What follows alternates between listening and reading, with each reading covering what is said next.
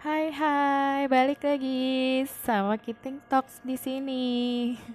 Yang udah nungguin uh, podcast gue atau pembicaraan atau segmen gue. Nah, kali ini gue akan membahas um, apa ya? Mungkin kalau yang hobinya sama kayak gue atau atau pecinta-pecinta drama Korea ya. Gue akan bahas apa ya hari ini. Nih, gue kasih interlude-nya. Kalian tebak apa sih yang mau gue bahas?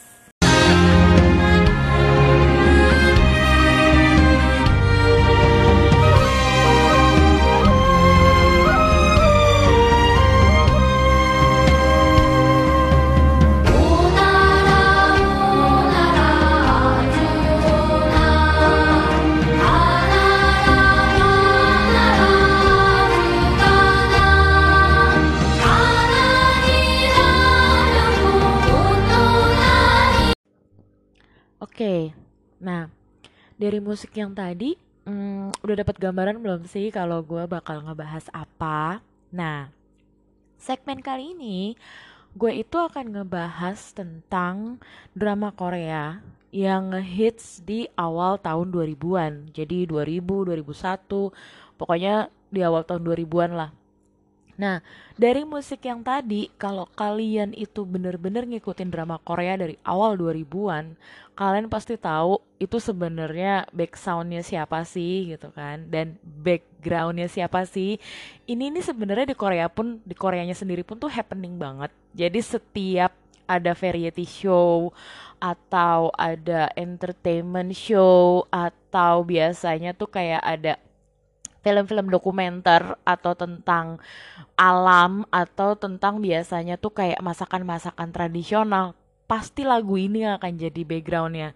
Padahal sebenarnya lagu ini nih sebenarnya kayak bagian kecil soundtrack si drama ini gitu loh. Dan nyokap gue almarhum nyok almarhumah nyokap gue tuh termasuk penikmat si drama Korea ini. Bahkan saking ngetopnya si drama Korea ini tuh sampai dibikin season 2 nya dan di season 2 nya itu itu uh, gue nggak terlalu inget ya karena yang happening banget itu yang season 1 tapi ini drama tuh panjang banget ya. Uh, kalau gue uh, kayaknya mungkin gara-gara drama ini yang membuat gue beralih dari drama Jepang ke Korea drama kayaknya. Nah drama ini tuh panjang banget seinget gue episodenya tuh lebih dari 20-an. Jadi memang ini menceritakan sejarah tentang uh, kalau dibilang tuh sebenarnya kalau orang mikirnya ini fiksi ya, tapi sebenarnya ini bukan fiksi, tapi dia ini beliau ini itu sebenarnya adalah dokter pertama. Jadi perempuan pertama di Korea yang menjadi dokter itu uh, sebagai dokter istana. Dan lika-liku hidupnya tuh bener-bener yang uh, kompleks dan complicated rumit banget gitu kan. Nah yang nggak tahu judulnya ya gue kasih tahu. Judulnya itu Jewel in the Palace. Jadi kalau untuk di bahasa Inggrisnya itu judul dramanya itu Jewel in the Palace. Tapi kalau orang-orang yang biasa ngikutin drama Korea ini nih inget banget namanya tuh Deng Janggem. Janggem ini nih, jadi kalau orang bilangnya janggem janggem gitu kan. Nah, Janggem inilah si sosok inilah yang merupakan salah satu dokter wanita pertama di Korea. Jadi sejarah dan drama ini memang latar belakangnya itu mengambil dinasti Joseon, which is di mana si Janggem ini hidup itu di, di dinasti Joseon. Nah, itu tuh uh, kompleks banget ya si Janggem ini hidupnya dari awal dia lahir sampai akhirnya dia masuk jadi uh, dokter istana tuh itu panjang banget dan gue tuh sangat suka ya dengan drama ini karena apa? Karena banyak banget makanan. Jadi memang mengisahkan tentang dokter istana, tapi sebenarnya hidup dia itu di istana diawali dari dayang.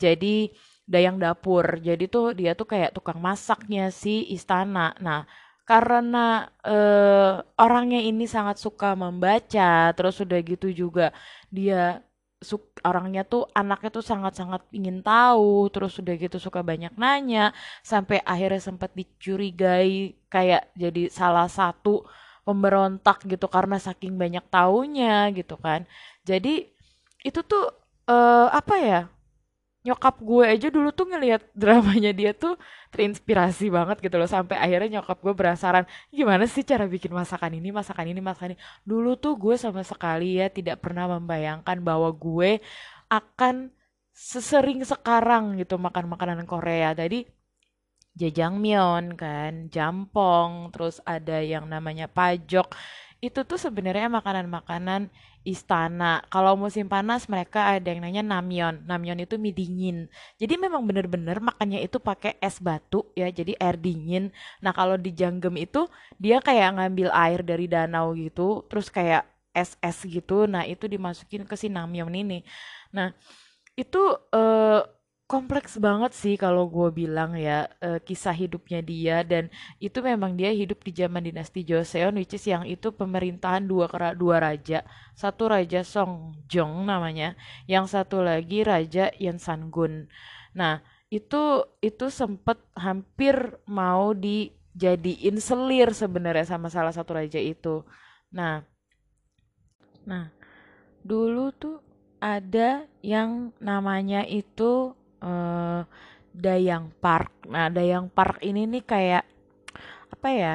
Eh dia tuh orang-orang yang kayak model kalau kita bilang tuh kepala dapur lah ya. Nah, si eh ada satu lagi yang jahat itu namanya Dayang Choi. Dayang Choi ini terkenal banget saking jahatnya ya. Itu sampai eh, dia itu berusaha sebisa mungkin gimana caranya si Janggem ini tuh kayak difitnah gitu. Karena memang masakannya Janggem tuh enak-enak dan apa ya, setiap masakan-masakannya Janggem itu dan menu-menunya dia itu semuanya itu serba baru. Jadi kayak yang nyoba ini, nyoba ini, nyoba ini dan itu ternyata enak. Terus udah gitu ternyata bermanfaat buat kesehatan. Ada yang bisa mencegah masuk angin lah, ada yang bisa mengatasi diare lah, sembelit lah. Itu banyak banget sih sebenarnya. The Janggem ini tuh kayak banyak resep-resep masakan tuh yang bener-bener bermanfaat buat kesehatan dan memang bener-bener bermanfaat. Kayak bahkan tuh sampai ada resep yang eh, bahan dasarnya tuh ginseng. Itu dia sampai nyari ke gunung ya.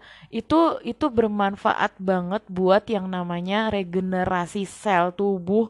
Jadi biar kita gitu tuh terjaga kesehatannya plus kalau orang bilang awet muda ya, sebenarnya sih bukan masalah awet mudanya, tapi keresalannya adalah di jasmani lo itu itu kayak raga lo tuh yang jadi regenerate gitu dan itu tuh bener-bener bermanfaat. Berhubung karena dulu ginseng itu sangat sulit dicari gitu kan. Di Indonesia juga belum umum gitu kan. Itu harga itu mahal banget. Makanya dari situlah akhirnya orang-orang di ke di luaran Korea tuh akhirnya menjuluki Korea itu sebagai negara ginseng.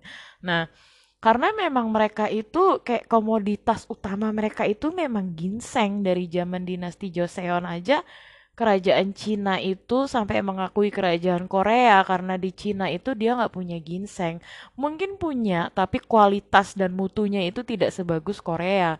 Nah, ini yang sebenarnya sih kalau mungkin bisa dibilang gara-gara The Janggem inilah gue tuh kayak berusaha mencari sejarah-sejarah Korea sampai ya di di drama Janggem ini ya, lu tuh bisa tahu yang namanya asal muasal kayak seluk Jajangmyeon itu kenapa, Jampong itu kenapa, di balik kisah topoki itu apa, terus sampai ada kenapa kok bisa ada yang namanya fish cake, itu itu banyak banget kisah-kisahnya di situ, itu di balik semua makanan-makanan yang happening di Korea sekarang itu tuh ada di Janggem itu. Itu sampai yang namanya namyeon, yang namanya soba. Soba itu adalah mie dari gandum hitam buckwheat. Nah, itu itu tuh juga ada di Janggem itu. Jadi apa ya ketika si invasi Korea ini masuk ke Indonesia dengan makanan-makanannya gitu kan unfortunately nyokap gue juga udah nggak ada mungkin kalau nyokap gue masih ada gue bisa ngajak dia mememorablekan si Janggem ini ya. Bu ini ada sobami. Bu ini jampong. Bu ternyata ini yo yang di Janggem. Itu gue setiap makan itu ya gue sangat teringat sama nyokap gue gitu loh. Karena nyokap gue tuh sangat-sangat penasaran gitu loh. Dia setiap nonton itu yang aduh ini gimana sih cara bikinnya? Ini gimana sih cara bikinnya? Kok bisa ya? Bahkan ketika happen makanan Korea tuh belum happening nyokap gue tuh kayak suka berexperience yang bikin pajok itu kan. Itu sampai eh ibu ini apa? Itu tuh yang ada di drama itu tuh katanya. Ibu nyoba enak nggak gitu? Jadi yang ba daun bawang itu cuma diiris kasar panjang-panjang ya. Terus didampingi sama yang namanya kalau kita bilangnya daun lokio itu ya pokoknya kayak di dikasih te- telur dan tepung biasa terus di kayak didadar gitu. Jadi kayak bikin pancake tapi pancake itu sayuran gitu kan. Nah itu bener-bener sih kalau gue bilang The Janggem ini nih yang eh apa ya eh, membuka yang namanya makanan-makanan Korea pustaka. Lo kalau nonton ini lo akan bisa menambah pustaka makanan Korea lo ya. Jadi apalagi bukan hanya sekedar street food only ya, tapi itu bener-bener makanan yang biasa disajikan di istana. Kalau sekarang itu tuh kayak di restoran-restoran mahal, model kayak Sangwon, terus Nunggunghwa kayak gitu-gitu. Nah, itu tuh itu lo bisa lihat di situ. Itu sampai eh apa ya? Jadi dari dari sisi masak aja itu sampai akhirnya dia naik lagi, naik lagi, naik lagi sampai akhirnya dia hidup itu di luar istana ya. Dia menikah dengan seorang jenderal eh, dan akhirnya eh, punya anak dua gitu loh dan dia akhirnya menjadi dokter pertama di Korea, dokter wanita pertama di Korea karena bekal dari yang dia dapat di istana sampai dia bisa masak bermanfaat untuk kesehatan. Kenapa sampai dia dibilang menjadi dokter pertama, wanita pertama di Korea? Karena dia sempat mengalami pengasingan, jadi dia dibuang. Nah, itu tuh di pengasingan itu itu tuh banyak banget orang-orang rakyat-rakyat yang nggak punya atau nggak cukup eh, hidupnya tuh untuk makan makanan sehat. Jadi akhirnya si Janggem ini mencari cara gimana caranya dengan tumbuh-tumbuhan yang ada di gunung, dengan semua karena kan desanya itu sebenarnya subur, tapi karena tidak pernah dijamah oleh istana, akhirnya tuh desanya itu kayak terpinggirkan, isinya tuh cuma kayak penduduk kumuh gitu dan nggak nggak orang-orang yang nggak berpendidikan dan nggak bisa baca tulis, jadi mereka nggak ngerti ah, gimana cara bercocok tanam, gimana cara mendapatkan makanan yang sehat. Padahal dia di mereka itu tinggal di desa pegunungan yang di mana tuh banyak banget tanaman-tanaman yang bermanfaat. Bahkan sampai saking baiknya si janggem ini dia sempet keracunan tanaman. Jadi kayak salah satu tanaman hutan, karena dia saking penasarannya, ini tanaman ini sebenarnya manfaatnya apa sih, rasanya apa sih gitu kan. Tapi dia bisa mengobati dirinya sendiri justru karena dia keracunan, terus dia mengobati dirinya sendiri, akhirnya dia malah jadi menemukan menu baru atau makanan baru yang bisa mengatasi si keracunan tanaman ini gitu loh. Dan akhirnya jadi malah eh, banyak orang datang ke dia itu buat berobat kayak gitu kan, hanya sekedar minta makan atau gizi. Itu kalau lihat rumahnya Janggem ya waktu ketika dia di pengasingan itu istana itu pikirnya kalau nanti dia diasingkan itu hidup dia akan sengsara gitu kan. Dan dia tuh nggak bisa ngapa-ngapain gitu loh. Ternyata justru ketika dia ditaruh di pengasingan pengaruhnya dia malah lebih besar karena rakyat-rakyat jelata yang nggak punya apa-apa sampai nggak nggak punya makanan sampai yang penyakitan itu malah justru lebih percaya sama Janggem karena Janggem itu kayak yang memberikan makanannya itu secara gratis ya karena memang dia tinggal ngambil aja dari sekitar hutan yang ada di situ gitu kan dan akhirnya dia malah jadi ngajarin penduduk sekitar untuk gimana caranya biar bisa memanfaatkan tanaman yang di sekitar desanya mereka. Jadi biar mereka itu bisa punya makanan yang sehat. Anak-anaknya tumbuh kembangnya juga baik gitu kan. Nah, itu untuk perjuangan dia keluar dari istana aja sampai dia menikah sama jenderal itu pun juga nggak mudah gitu loh. Sampai akhirnya si jenderalnya sendiri pun juga sempat dituduh kayak berkhianat sama istana atau dia berpihak sama salah satu perdana menteri gitu kan. Karena dia sebenarnya tujuan si jenderal ini cuma mau melindungi Janggem aja gimana caranya biar Janggem itu bisa dapat kehidupan yang layak kalau perlu keluar dari istana. Karena kehidupan di istana itu nggak bagus gitu loh dan semuanya itu penuh dengan persaingan kompetisi penusuk dari belakang bener-bener yang lingkungannya tuh penuh dengan pengkhianatan. Jadi dia udah nggak tega gitu ngeliat si Janggem yang hidupnya tuh kayak ditekan sana sini digencet sana sini tapi rajanya tuh kayak ngandelin Janggem banget gitu kan. Terus ibu surinya juga kayak setengah percaya setengah enggak setengah percaya setengah enggak gitu kan. Pokoknya kalau lu nonton si The Janggem ini ya itu uh, bener-bener akan membuka mata lo ya sejarah Korea itu seperti apa. Terus udah gitu juga ya uh, cuma ya kalau untuk orang-orang kan ada ya orang-orang yang nggak suka nonton drama kolosal karena banyak bunuh-bunuhan pedang-pedangan tusuk-tusukan darah-darah gitu di mana-mana. Itu ada di sini tuh ada banget. Jadi ya karena satu lagi ya karena itu. Biasa memang kalau kolosal itu kan memang penuh dengan pengkhianatan dan penuh dengan kayak politik yang di dalam istana itu yang bener-bener tuh kayak udah nggak manusiawi ya dan nggak beradab.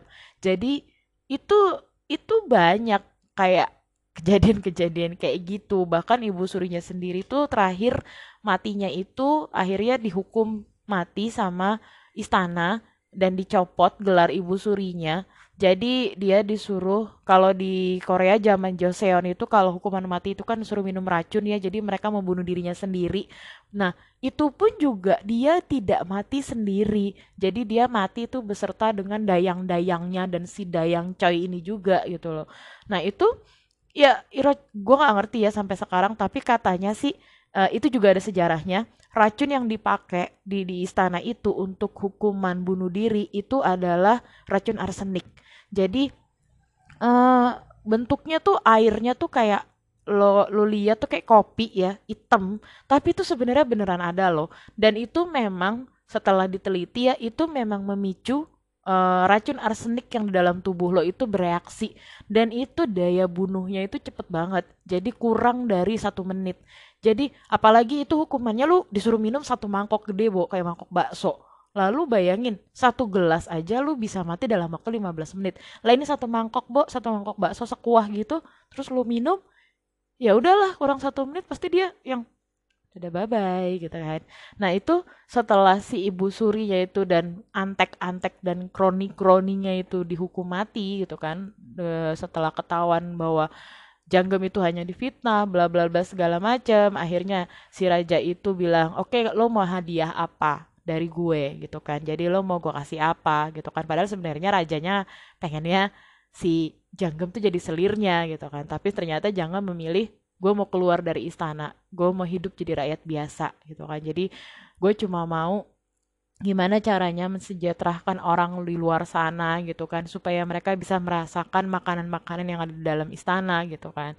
Akhirnya karena rajanya udah berjanji kan untuk ngasih dia uh, penghargaan atau penganugerahan ya. Akhirnya ya sudahlah si Janggem ditanya lagi yakin lo mau keluar dari istana? Karena kehidupan di luar sana itu tidak seenak di istana. Kalau Janggem milihnya ya gue kalau jadi Janggem juga gue mendingan pilih hidup di luar istana yang istilahnya nggak ditusuk kanan kiri tusuk depan belakang tapi gue damai tinggal di luar sana ya gitu. Dan gue bebas ketemu siapa pun tanpa harus dilarang gitu kan. Dan tanpa harus dicurigai gitu ketika lo ngobrol sama siapa gitu loh. Nah akhirnya dibebaskan lah itu dia dari kehidupan istana. Ternyata jenderalnya sendiri pulang dari perang dan dia menang. Dia juga minta penghargaan yang sama dan rajanya itu sebenarnya udah curiga gitu loh bahwa jenderal ini ada hubungan nih sama Janggem nih kayaknya nih. Kayaknya kalau gue keluar dari istana lu bakal nyusulin Janggem nih gitu. Tapi ya karena rajanya komitmen dan dia juga udah berjanji juga gitu buat si jenderal ini ya udahlah akhirnya jenderal ini pun juga dibebaskan.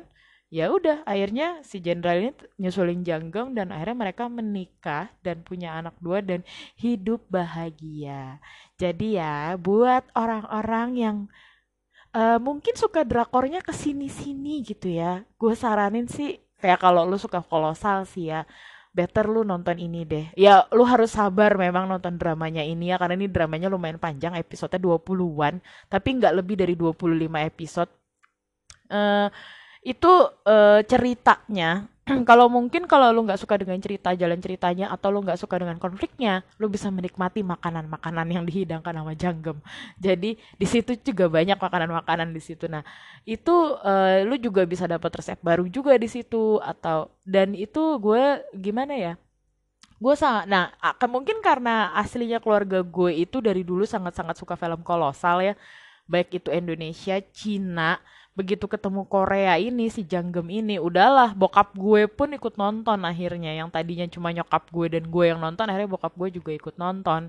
Waktu diulang lagi ditayangin ulang si Janggem ini pun karena nyokap gue udah nggak ada eh bokap gue jadi nonton.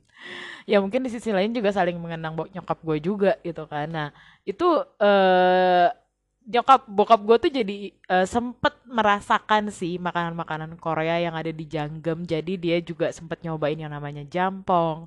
Dia sempet nyobain yang namanya jajangmyeon. Sampai dia bilang oh ternyata kayak gini ya rasanya. Oh iya enak. Oh iya enak gitu. Dan dia bilang emang rasanya taste-nya itu cocok dengan kita gitu. Dan memang bumbunya si Korea ini kan ya dia nggak kenal bumbu dapur kayak kita ya. Tapi uh, Korea itu tetap kenal yang namanya jahe, cengkeh. Mereka juga tetap kenal itu yang namanya lada, bawang putih gitu kan. Tapi mereka nggak pakai bawang merah, mereka cuma pakai bawang bombay, terus cabai merah. Dan mereka nggak kenal cengek ya kayak kita.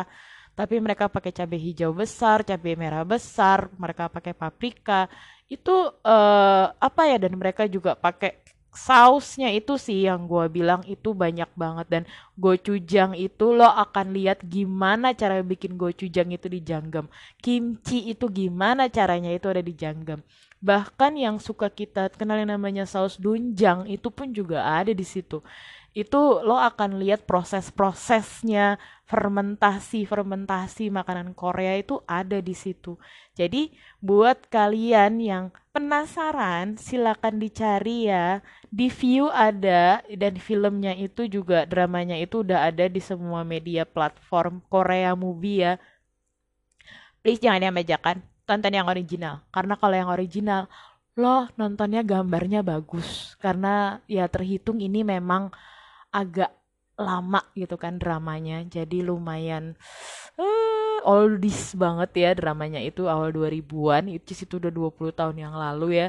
Jadi enjoy the drama. Silakan cari infonya dan gue ada satu soundtrack Janggem. Jadi lo saksiin aja. Kalau misalkan lo penasaran lo cari di YouTube soundtrack Janggem nanti itu akan keluar banyak video-video untuk soundtrack-soundtracknya Jangan termasuk tadi lagu yang legendaris si Unara Unara ini. Nah uh, dinikmatin dulu lagunya. Next dramanya gue akan uh, bahas apa gitu kan. Yang jelas ini dramanya happening juga di awal-awal 2000-an dan gue yakin teman-teman gue juga banyak yang nonton drama ini. Jadi tunggu dulu ya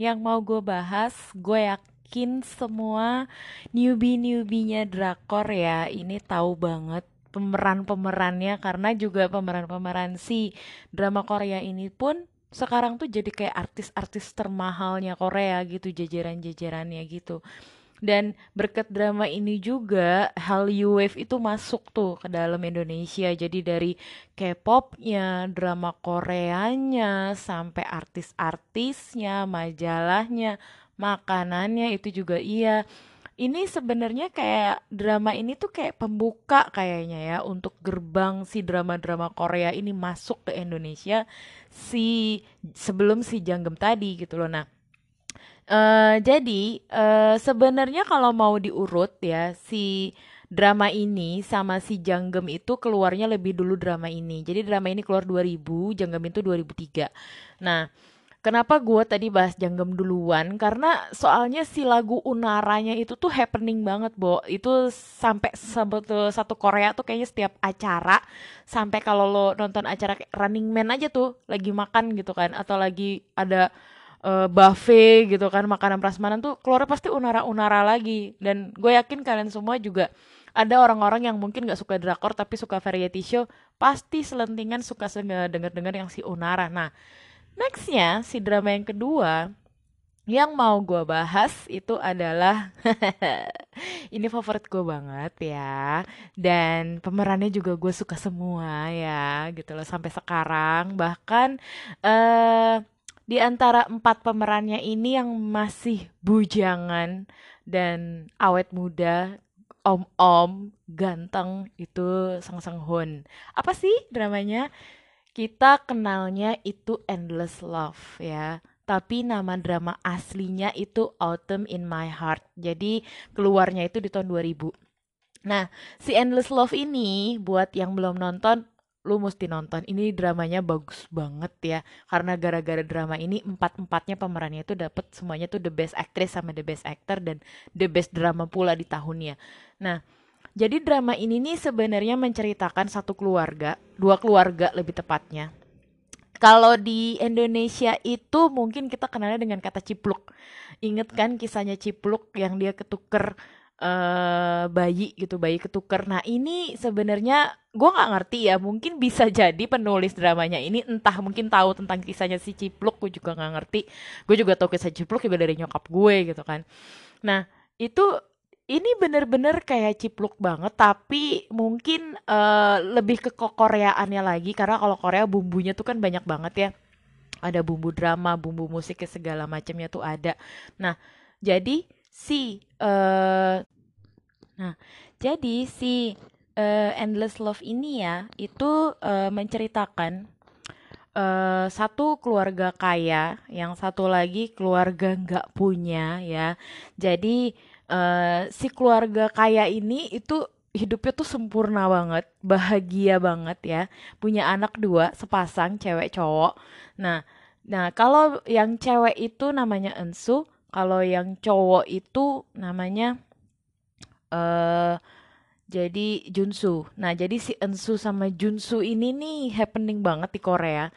Bahkan mungkin sampai sekarang kalau dua orang ini ditemukan ya kayaknya orang ber berini banget deh kayaknya mengidam-idamkan banget. Jadi ini sebenarnya ini adalah song-song couple pertama ya sebelum song-song couple kedua ya. Uh, song-song couple kedua kan bercerai ya. Kalau yang ini song-song couple pertama Song Song Hun sama Song Hye Kyo. Nah, si Song Song Hun sama Song Hye Kyo ini jadi Song Hye Kyo itu jadi si ensuhnya, si Song Song Hun itu jadi Junsunya. Nah, si Junsu ini kakak dari si Ensu ini. Beda umurnya tuh sekitar enam tahunan dari si uh, Ensu. Nah, jadi waktu kecil si uh, Junsu ini kan masih umur kayak enam tahun lima tahunan gitu kan jadi masih kecil nah pas dia nengok adiknya itu pas ibunya lahiran itu tidak sengaja dengan secara tidak sengaja itu tuh uh, plat nama bayinya itu dia masuk tuh ke ruangan bayi itu. Karena ruangan bayinya kan kebuka kan namanya anak kecil kan ya suka pengen tahu. Dia mainan itu platnya terus jatuh terus ketuker. Nah terus udah gitu pas jatuh itu perawatnya tuh meregokin si Junsu itu ada di uh, apa dalam kamar bayi itu kan. Terus akhirnya si Junso disuruh keluar terus akhirnya disuruh keluar eh si perawatnya tuh naruh namanya juga kebalik gitu loh jadi si harusnya itu si Ensu tapi ternyata bukan Ensu nah yang satu lagi itu yang ketuker itu bayi itu namanya Sin E jadi Choi Sin E jadi mereka itu dari keluarga marga Yun, Yun Ensu sama Yun Junsu. Nah, yang si kebuangnya ini namanya Chen Sin E. Nah, si uh, Chen Si E-nya ini itu ketuker. Uh, jadi uh, apa? Mereka tuh kayak nggak sengaja kan. Nah, terus akhirnya itu ketahuannya ketika si Ensu itu SMP, si Junsu itu SMA. Nah, mereka tuh kan sekolahnya kan uh, pisah ya karena kan kalau kalau di di sana itu tuh di kita belum wajib belajar kayaknya ya 9 eh, apa wajib belajar 9 tahun tuh kan kalau di luar negeri tuh dari kelas 1 sampai kelas 3. Uh, SMP itu kan jadi satu sekolah. Nah, sedangkan si Junsu ini dia tuh kayak jemput kan, jemput si Ensu setiap pulang. Nah, terus ke mana-mana berdua, apa-apa berdua. Pokoknya tuh keluarga itu bahagia banget. Nah, Padahal si Ensu ini walaupun dia udah SMP ya, dia tuh masih suka dimandiin sama ibunya. Nah, pernah satu hari ibunya lagi mandiin si Ensu, terus ibunya tuh bilang gini, Ensu kok telinga kamu dan telinganya tuh tebel ya, nggak kayak kakak kamu, nggak kayak ibu, nggak kayak bapak gitu. Uh, Mungkin ini kali ya kata si Ensu, aku jadi anak bodoh dan dia sekeluarga itu pinter semua kecuali Ensu. Nah, si Choi Sin E ini beda lagi. Choi Sin E ini adalah juara kelas di sekolahnya. Tapi permasalahannya Choi Sin E ini dari orang gak punya. Berhubung karena dia pintar dan dia juara kelas, jadi itu dia walaupun dia orang gak punya, dia bisa ngebully. Bahkan si Ensu ini yang notabene tuh anak orang kaya aja dibully sama Sin E Uh, karena dia sering bawa makanan enak, bakal makan siangnya enak, punya kakak ganteng gitu kan yang suka jemput. Nah, terus udah gitu tiba-tiba pada satu ketika gitu kan si Ensu kecelakaan di depan sekolah. Jadi dia lagi naik sepeda. Terus udah gitu karena dia belum bisa naik sepeda padahal si kakaknya dia udah sering banget ngajarin dia main sepeda tapi nggak bisa bisa sampai SMP aja dia masih masih suka kagok-kagok gitu nah karena kakaknya uh, apa udah duluan gitu loh. Nah pas di perempatan jalan deket sekolahnya itu si Ensu lagi masih kagok-kagoknya. Itu sepedanya tuh ketabrak lah sama truk. Jadi kecelakaan kan. Akhirnya si uh, Junsu kaget. Terus akhirnya mereka ke rumah sakit. Ternyata si Ensu ini pendarahan dan butuh operasi. Dan akhirnya butuh transfusi darah juga. Ternyata darahnya si Ensu ini golongan darahnya itu B. Sedangkan dia sekeluarga itu O. Kan terkuak lah gitu kan semuanya gitu loh. Bapak ibunya kaget kakaknya juga kaget gitu kan. Terus kakaknya sampai nggak terima gitu. Sampai uh, ya udah akhirnya bapaknya mencari cara gimana caranya dapat transfusi darah untuk golongan darah B sesuai si punyanya Ensu kan.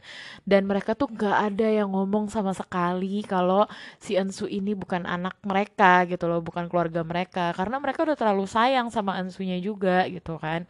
Nah terus pas udah pulang dari rumah sakit si Enzo ini kayak merasa ada perbedaan gitu kan dengan sikap-sikap keluarganya gitu loh yang kayak e, ibunya tetap memperlakukan dia seperti biasa tapi bapaknya tuh kayak yang shock dan kaget gitu loh. Kenal selama selama ini yang gue gue asuh tuh bukan anak gue gitu kan. Kalau si Junsu sendiri merasa ternyata selama ini yang gue sayang itu bukan adik gue gitu loh tapi ini adiknya siapa gitu kan. Nah akhirnya usut punya usut terus udah gitu awalnya tuh nggak ketahuan. Jadi ketahuannya itu gara-garanya dia ibu bapaknya cari informasi ke rumah sakit kan. Cari informasi ke rumah sakit segala macam gitu loh. Dan akhirnya dia ketemu lah itu siapakah orang tua si yang barengan sama Ensu ini gitu kan. Dilihat dong sama bapak ibunya ternyata ya rumahnya tuh di pasar. Terus pas dilihat lagi anaknya, ternyata itu teman sekelas anaknya dan itu yang ngebully anaknya. Ibunya tadinya nggak mau bapak ibunya. Akhirnya karena mereka tidak bisa menutupi tanpa sengaja, Ensu denger kalau ternyata dia bukan anak aslinya. Akhirnya dia penasaran, dia cari tahu ibunya yang asli itu siapa. Begitu dia tahu dia ketukernya sama siapa dan ternyata yang ketuker itu yang ngebully dia itu dia sempat sedih sih sebenarnya gitu loh. Tapi dia mau gimana lagi gitu loh. Karena yang dia tinggal ini ternyata bukan orang tua kandungnya dia sedangkan ada orang tua kandung dia di sana. Nah akhirnya tanpa disadari dan sedikit demi sedikit si Ensu kayak nyolong-nyolong start gitu di balik orang tua yang ngasuh dia ini. Dia ke orang tua biologisnya terus dia ngomong kalau dia itu adalah anak dia yang sebenarnya gitu. Choi Sin E itu bukan. Choi Sin E yang sangat-sangat mengidamkan jadi anak orang kaya seneng lah. Karena kan dia selama ini ngebully si Ensu kan. Nah, kenapa dinamakan Ensu sama Junsu pun itu juga punya alasan. Karena bapak ibunya itu biar mereka berdua ini mirip namanya. Karena mereka kakak adik kan. Nah, begitu pas di uh, apa dituker nih akhirnya dan si Ensu memaksakan untuk nggak apa-apa dia dia dia mengiyakan dia menerima nasibnya bahwa memang dia ternyata anak orang miskin gitu kan. Nah, si Sin E pindahlah ke rumah dia yang gede dan besar itu dan mewah itu Sedangkan kakaknya tuh tahu kalau si Sin E ini nih yang ngebully adenya setiap hari gitu kan. Itu si Junsu tuh kayak yang benci banget sama Sin E gitu loh. Tapi bapak ibunya berusaha menekankan bahwa sebenci-bencinya lo, ibu juga tahu kok kalau itu yang ngebully adik kamu. Tapi itu adik kamu yang sebenarnya gitu kan. Nah ternyata akhirnya si dan tanpa disadari dan tanpa disengaja bapaknya kan mesti pindah ke Amerika Serikat kan karena bapaknya profesor. Nah, dipindah tugas ke US. Mau tidak mau satu keluarga itu pindah dan si Ensu tuh tahu keluarganya itu mau pindah ke Amerika Serikat karena memang dia udah persiapan semuanya kan. Dan akhirnya begitu harinya tiba untuk dia pindah, itu itu paling nyesek banget sih sebenarnya. Jadi gue sama nyokap gue nontonnya sampai berderai-derai air mata makanya kita tuh suatu ruang tuh nonton gue kakak gue sama nyokap gue tuh yang banjir gitu kan itu jadi tuh uh, apa pas dia pindah nih satu keluarga nah itu si si si nya apa si Ensu ini tuh kayak lari kan ngejar gitu kan. Dia tahu nih berapa jam berapa bakalan si keluarganya ini pergi gitu kan. Terus dia ngejar sampai dia motong jalan. Terus sampai akhirnya dia cuma bisa ngikutin mobil dan dia ngeliat itu mobil orang tuanya tuh pergi. Kakaknya tuh ngeliat dari dalam mobil dan ibunya tuh nangis sambil di jalan tuh sambil nangis. Cuma mau gimana lagi karena memang udah dia harus ke US kan dan ibu bapaknya tetap harus uh, bertahan bahwa ini anak gue suka nggak suka mau tidak mau gitu loh. Udah ternyata udah tuh akhirnya jalan. Kakaknya tuh sambil manggilin gitu kan ensu ensu gitu kan. Terus dia manggilin kakaknya juga kan. Terus tapi mobilnya tuh tetap jalan terus dia nangis dong dan segala macam. Itu udah itu sedih banget. Dan akhirnya 10 tahun kemudian ternyata keluarga mereka kembali ke Korea.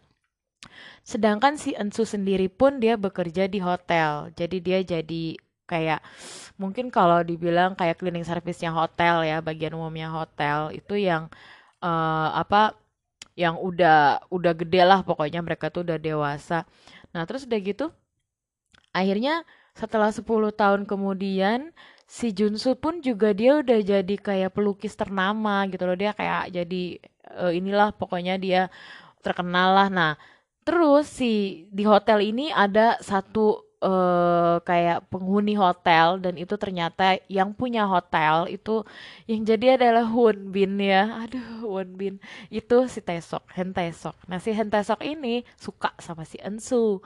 Nah, ketika kembali dan si Junsu ini datang gitu kan untuk menjengukin si Taesok. Nah si Taesok ini tuh jadi mereka ketemuan kan di pantai sama Sin E juga dibawa. Nah yang jadi Sin E itu uh, adalah uh, yang kalau lo tahu uh, si jadi tuh si namanya Han Cheong. Si Han Cheong ini tuh banyak banget dramanya. Dan Han Cheong ini sekarang udah menikah dan suaminya itu pengusaha ternama di Korea ya. Jadi dia pensiunkan dirinya jadi artis drama, tapi dia tetap jadi kayak brand ambassador gitu sih.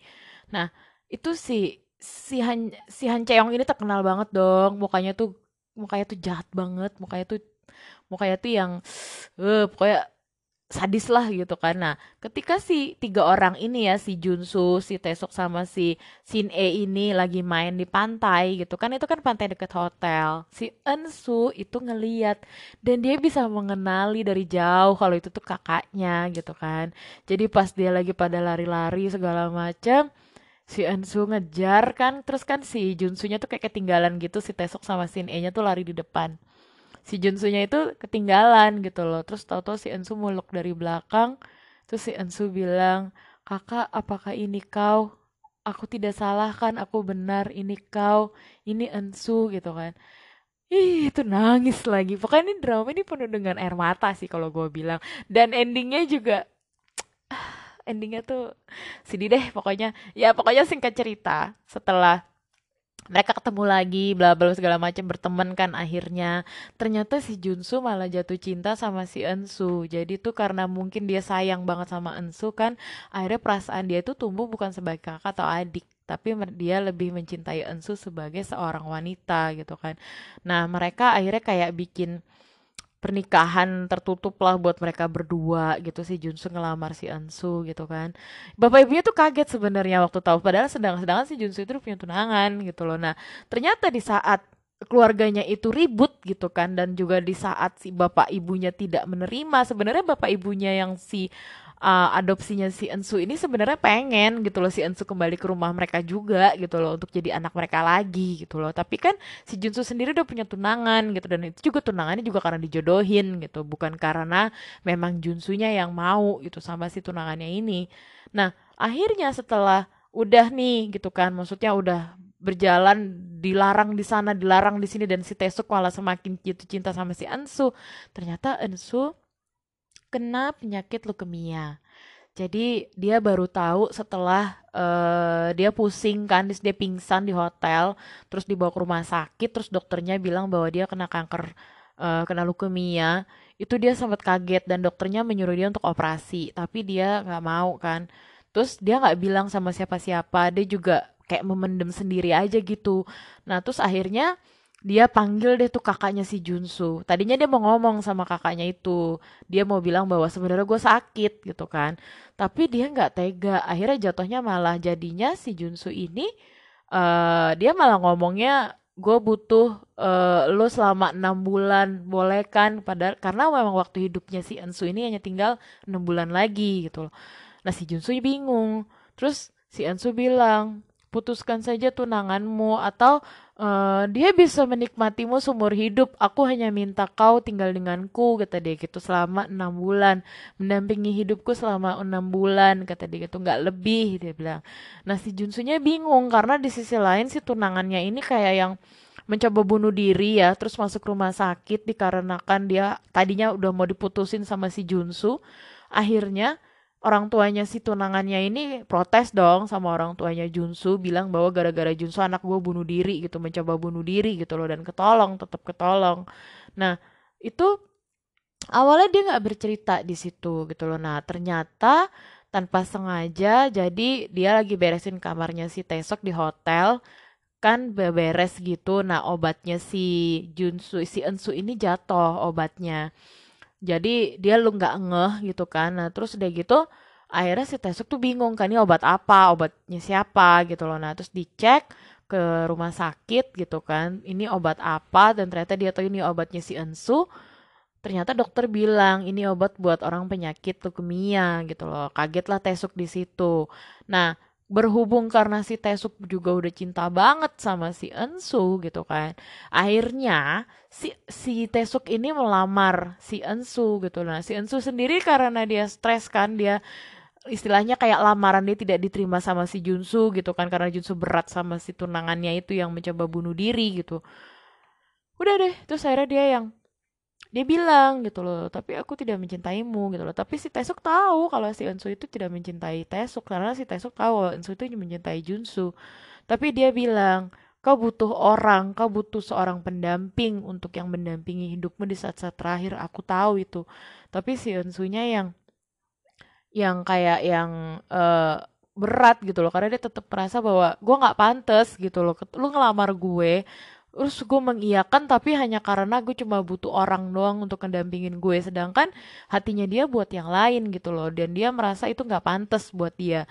Jadi dia memutuskan untuk tidak menerima lamarannya si Taesuk. Akhirnya dia pergi.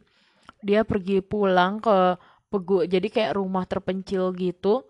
Terus udah gitu uh, dia tuh yang uh, bingung kan. Akhirnya dia memutuskan untuk ya udah gue uh, berobat sendiri aja gitu loh. Dan akhirnya si Ensu memutuskan untuk dia berobat ke rumah sakit gitu. Dia memutuskan untuk dia mengambil untuk operasi. Nah dia nggak tahu ternyata ketika dia di berobat itu jadi dokternya itu mengirim dia ke rumah sakit lain karena rumah sakit tempat kotanya dia itu terlalu terpencil jadi nggak bisa. Dan ternyata dia itu satu rumah sakit dengan uh, tunangannya si Junsu. Nah ketika tunangannya si Junsu itu mau keluar dari rumah sakit dia lihat dong ada Ensu di situ lagi di kayak lagi pakai baju rumah sakit gitu kan. Terus ada dia tanya sama salah satu perawat sama dokternya gitu bilang bahwa itu kenapa? gitu dia sakit apa? gitu kan. Terus dia bilang oh itu uh, pasien kita untuk yang leukemia gitu loh. Dan terus dia langsung perawatnya bilang kasihan dia itu umurnya tinggal enam bulan lagi. Di situ tunangannya si Junsu itu kaget karena di sisi lain si Junsu udah bilang sama si tunangannya bahwa Ensu memutuskan dia jadi Ensu minta supaya Junsu balik ke tunangannya. Akhirnya si tunangannya itu uh, apa bilang ke orang tua si Junsu dan tanpa sepengetahuan Junsu juga gitu loh. Dia bilang ke si ke si orang tuanya Junsu ada si Tesuk juga di situ bilang bahwa kalau si Ensu itu sebenarnya sekarat gitu dan umurnya dia tuh tinggal sebentar lagi dan dia sekarang ada di rumah sakit gitu kan. Terus tapi tolong jangan sampai Junsu tahu itu sumpah gue kesel banget tuh sama tunangannya emang brengsek banget. Jadi karena kata dia kalau misalkan sampai Junsu tahu Junsu pasti bakalan langsung balik lagi ke si Ensu gitu kan. Pasti dia akan mutusin si tunangannya ini dan karena si Junsu pasti akan memilih si Ensu lah orang gak ketahuan aja Junsu juga pilihnya si Ensu kok. Nah udah dong habis gitu Nah, akhirnya tiba-tiba itu si Junsu kan lagi kembali ke US kan, dia ada ada kerjaan. Terus nah, ketika dia kembali nggak ada orang di rumah gitu kan. Dan gitu juga tunangannya juga nggak ada gitu loh. Nah, tunangannya tuh kayak berusaha nutupin-nutupin gitu kan.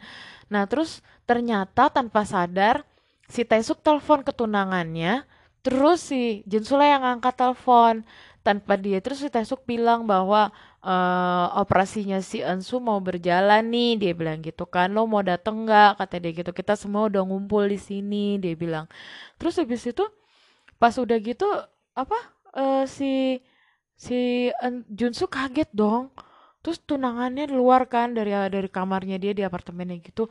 Terus dia bilang Ansu tuh kenapa? Ansu tuh kenapa? Gitu kan Terus akhirnya tunangannya sambil nangis-nangis bilang Ansu itu sekarat dia tuh sakit bla bla bla segala macam lah pokoknya dijelasin semua.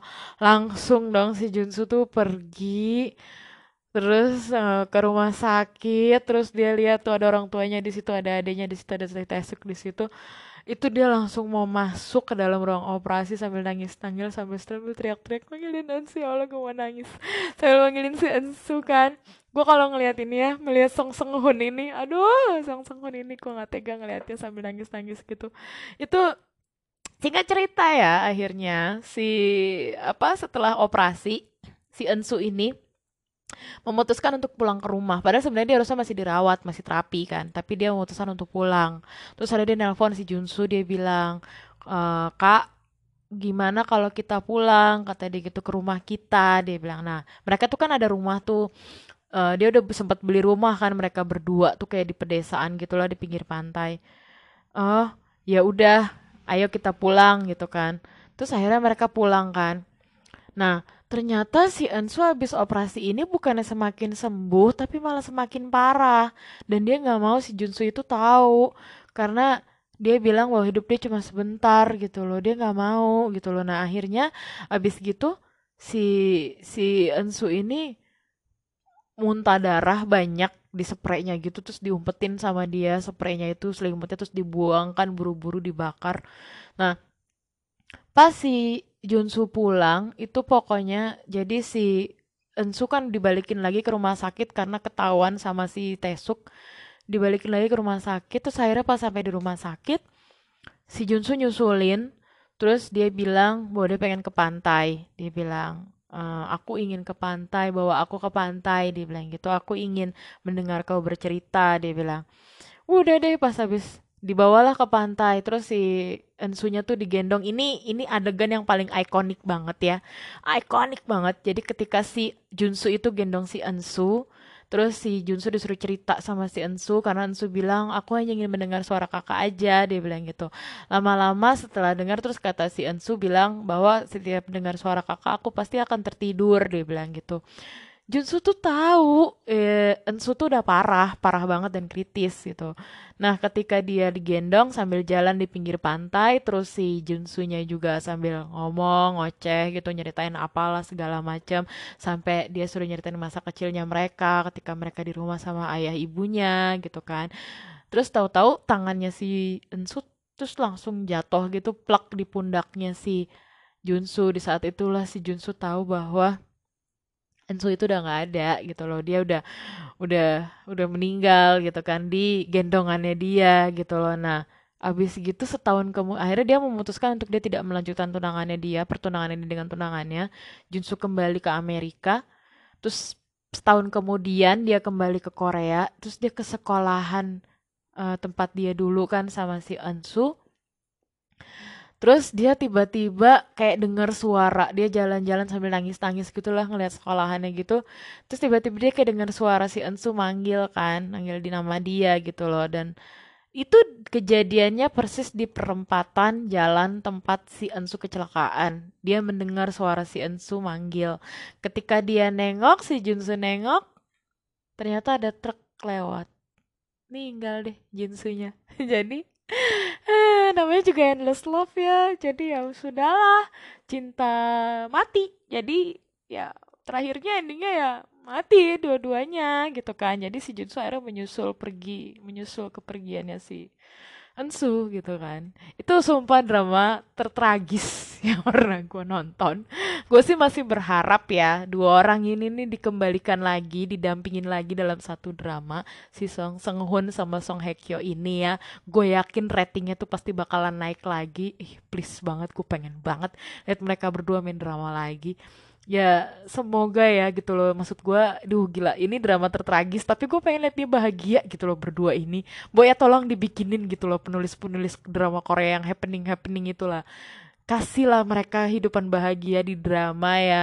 Ya gue sih berharap ya namanya juga fans ya. Gue sih pengennya dia jadi song song couple kedua. Ya kan Song Song Hoon juga umur lebih tua ya dari Song Hye Kyo dibandingin Song Song yang kemarin gitu kan. Yang Song kemarin kan lebih muda.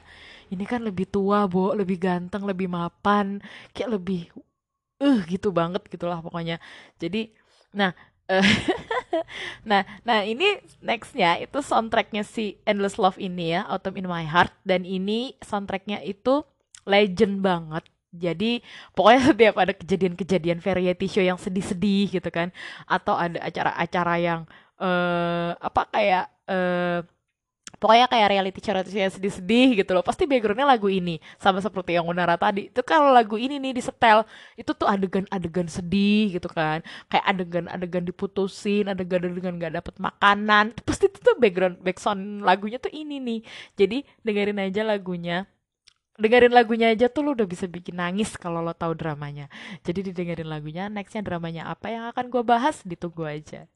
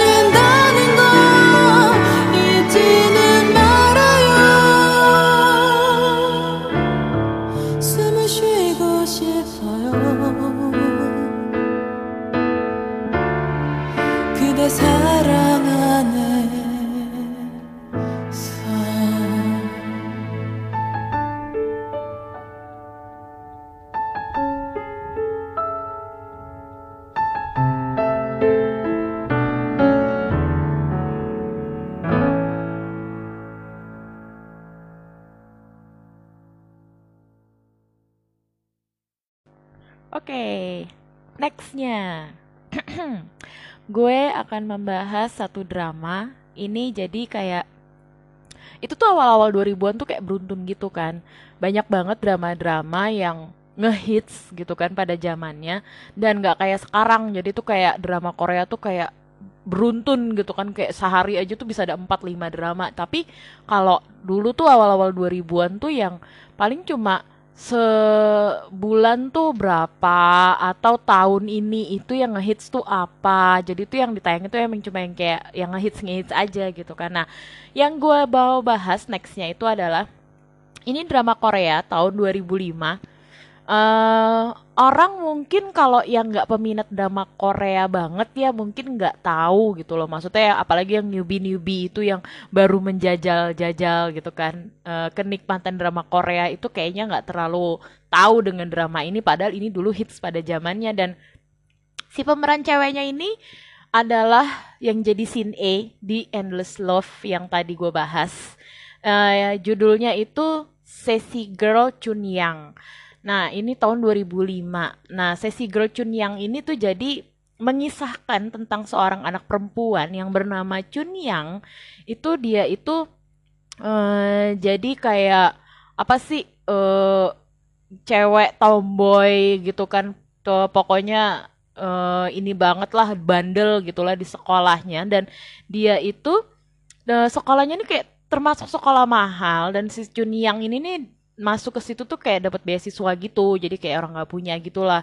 Nah si Chun Yang ini kan namanya dia orang sana kan gitu ya kalau misalkan sekolah mahal terus lo masuk atas karena beasiswa gitu loh. Nah akhirnya dia tuh kayak dibully gitu. Unfortunately si bullyingnya itu bulliernya itu tuh malah justru kalah sama si Chun Yang karena si Chun Yang ini nih pertama jago karate jadi jadi jago ilmu bela diri gitu karena dia uh, berhubung karena dia dibully kan akhirnya dia jadi kayak kesel gitu kan. Terus akhirnya dia memutuskan untuk ikutan tuh yang namanya bela diri gitu loh nah terus udah gitu uh, apa jadi tuh justru malah setiap ada yang ngebully dia dia malah ini balik gitu loh kayak ngelawan balik. Nah pada satu ketika gitu ada anak baru namanya Limun Ryong. Limun Ryong ini nih jadi kayak dia itu kayak anaknya kepala polisi lah gitu loh. Nah dia ini pindahan, jadi dari Seoul dia pindah ke uh, Sinamon. Nah Chunyang ini uh, diceritakan lokasinya itu di Namwon.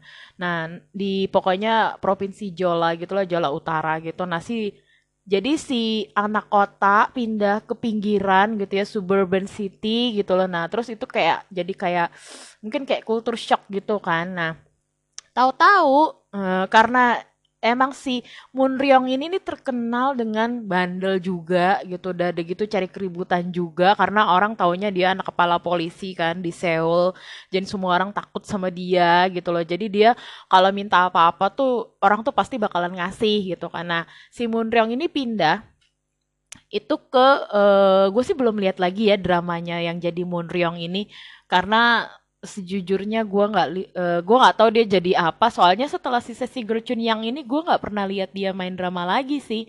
Uh, coba aja kalau mungkin ada yang tahu ya dia pernah main film atau atau drama apa gitu kan yang jadi Munryong ini. Uh, karena jujur gue suka sama mukanya dan suka sama karakternya sih sebenarnya. Orangnya juga sih orangnya tuh agak-agak kaku gitu.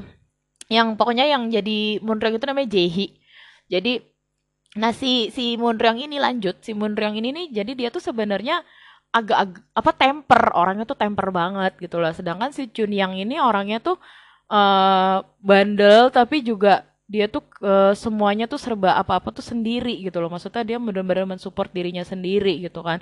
Tapi dia pinter si Chunyang ini walaupun makanya dia orang mau ngebully dia juga agak-agak takut udah dia jago bela diri dia pinter pula gitu loh dan juara utama di sekolahnya gitu kan. Karena dia dapat beasiswa juga kan masuknya.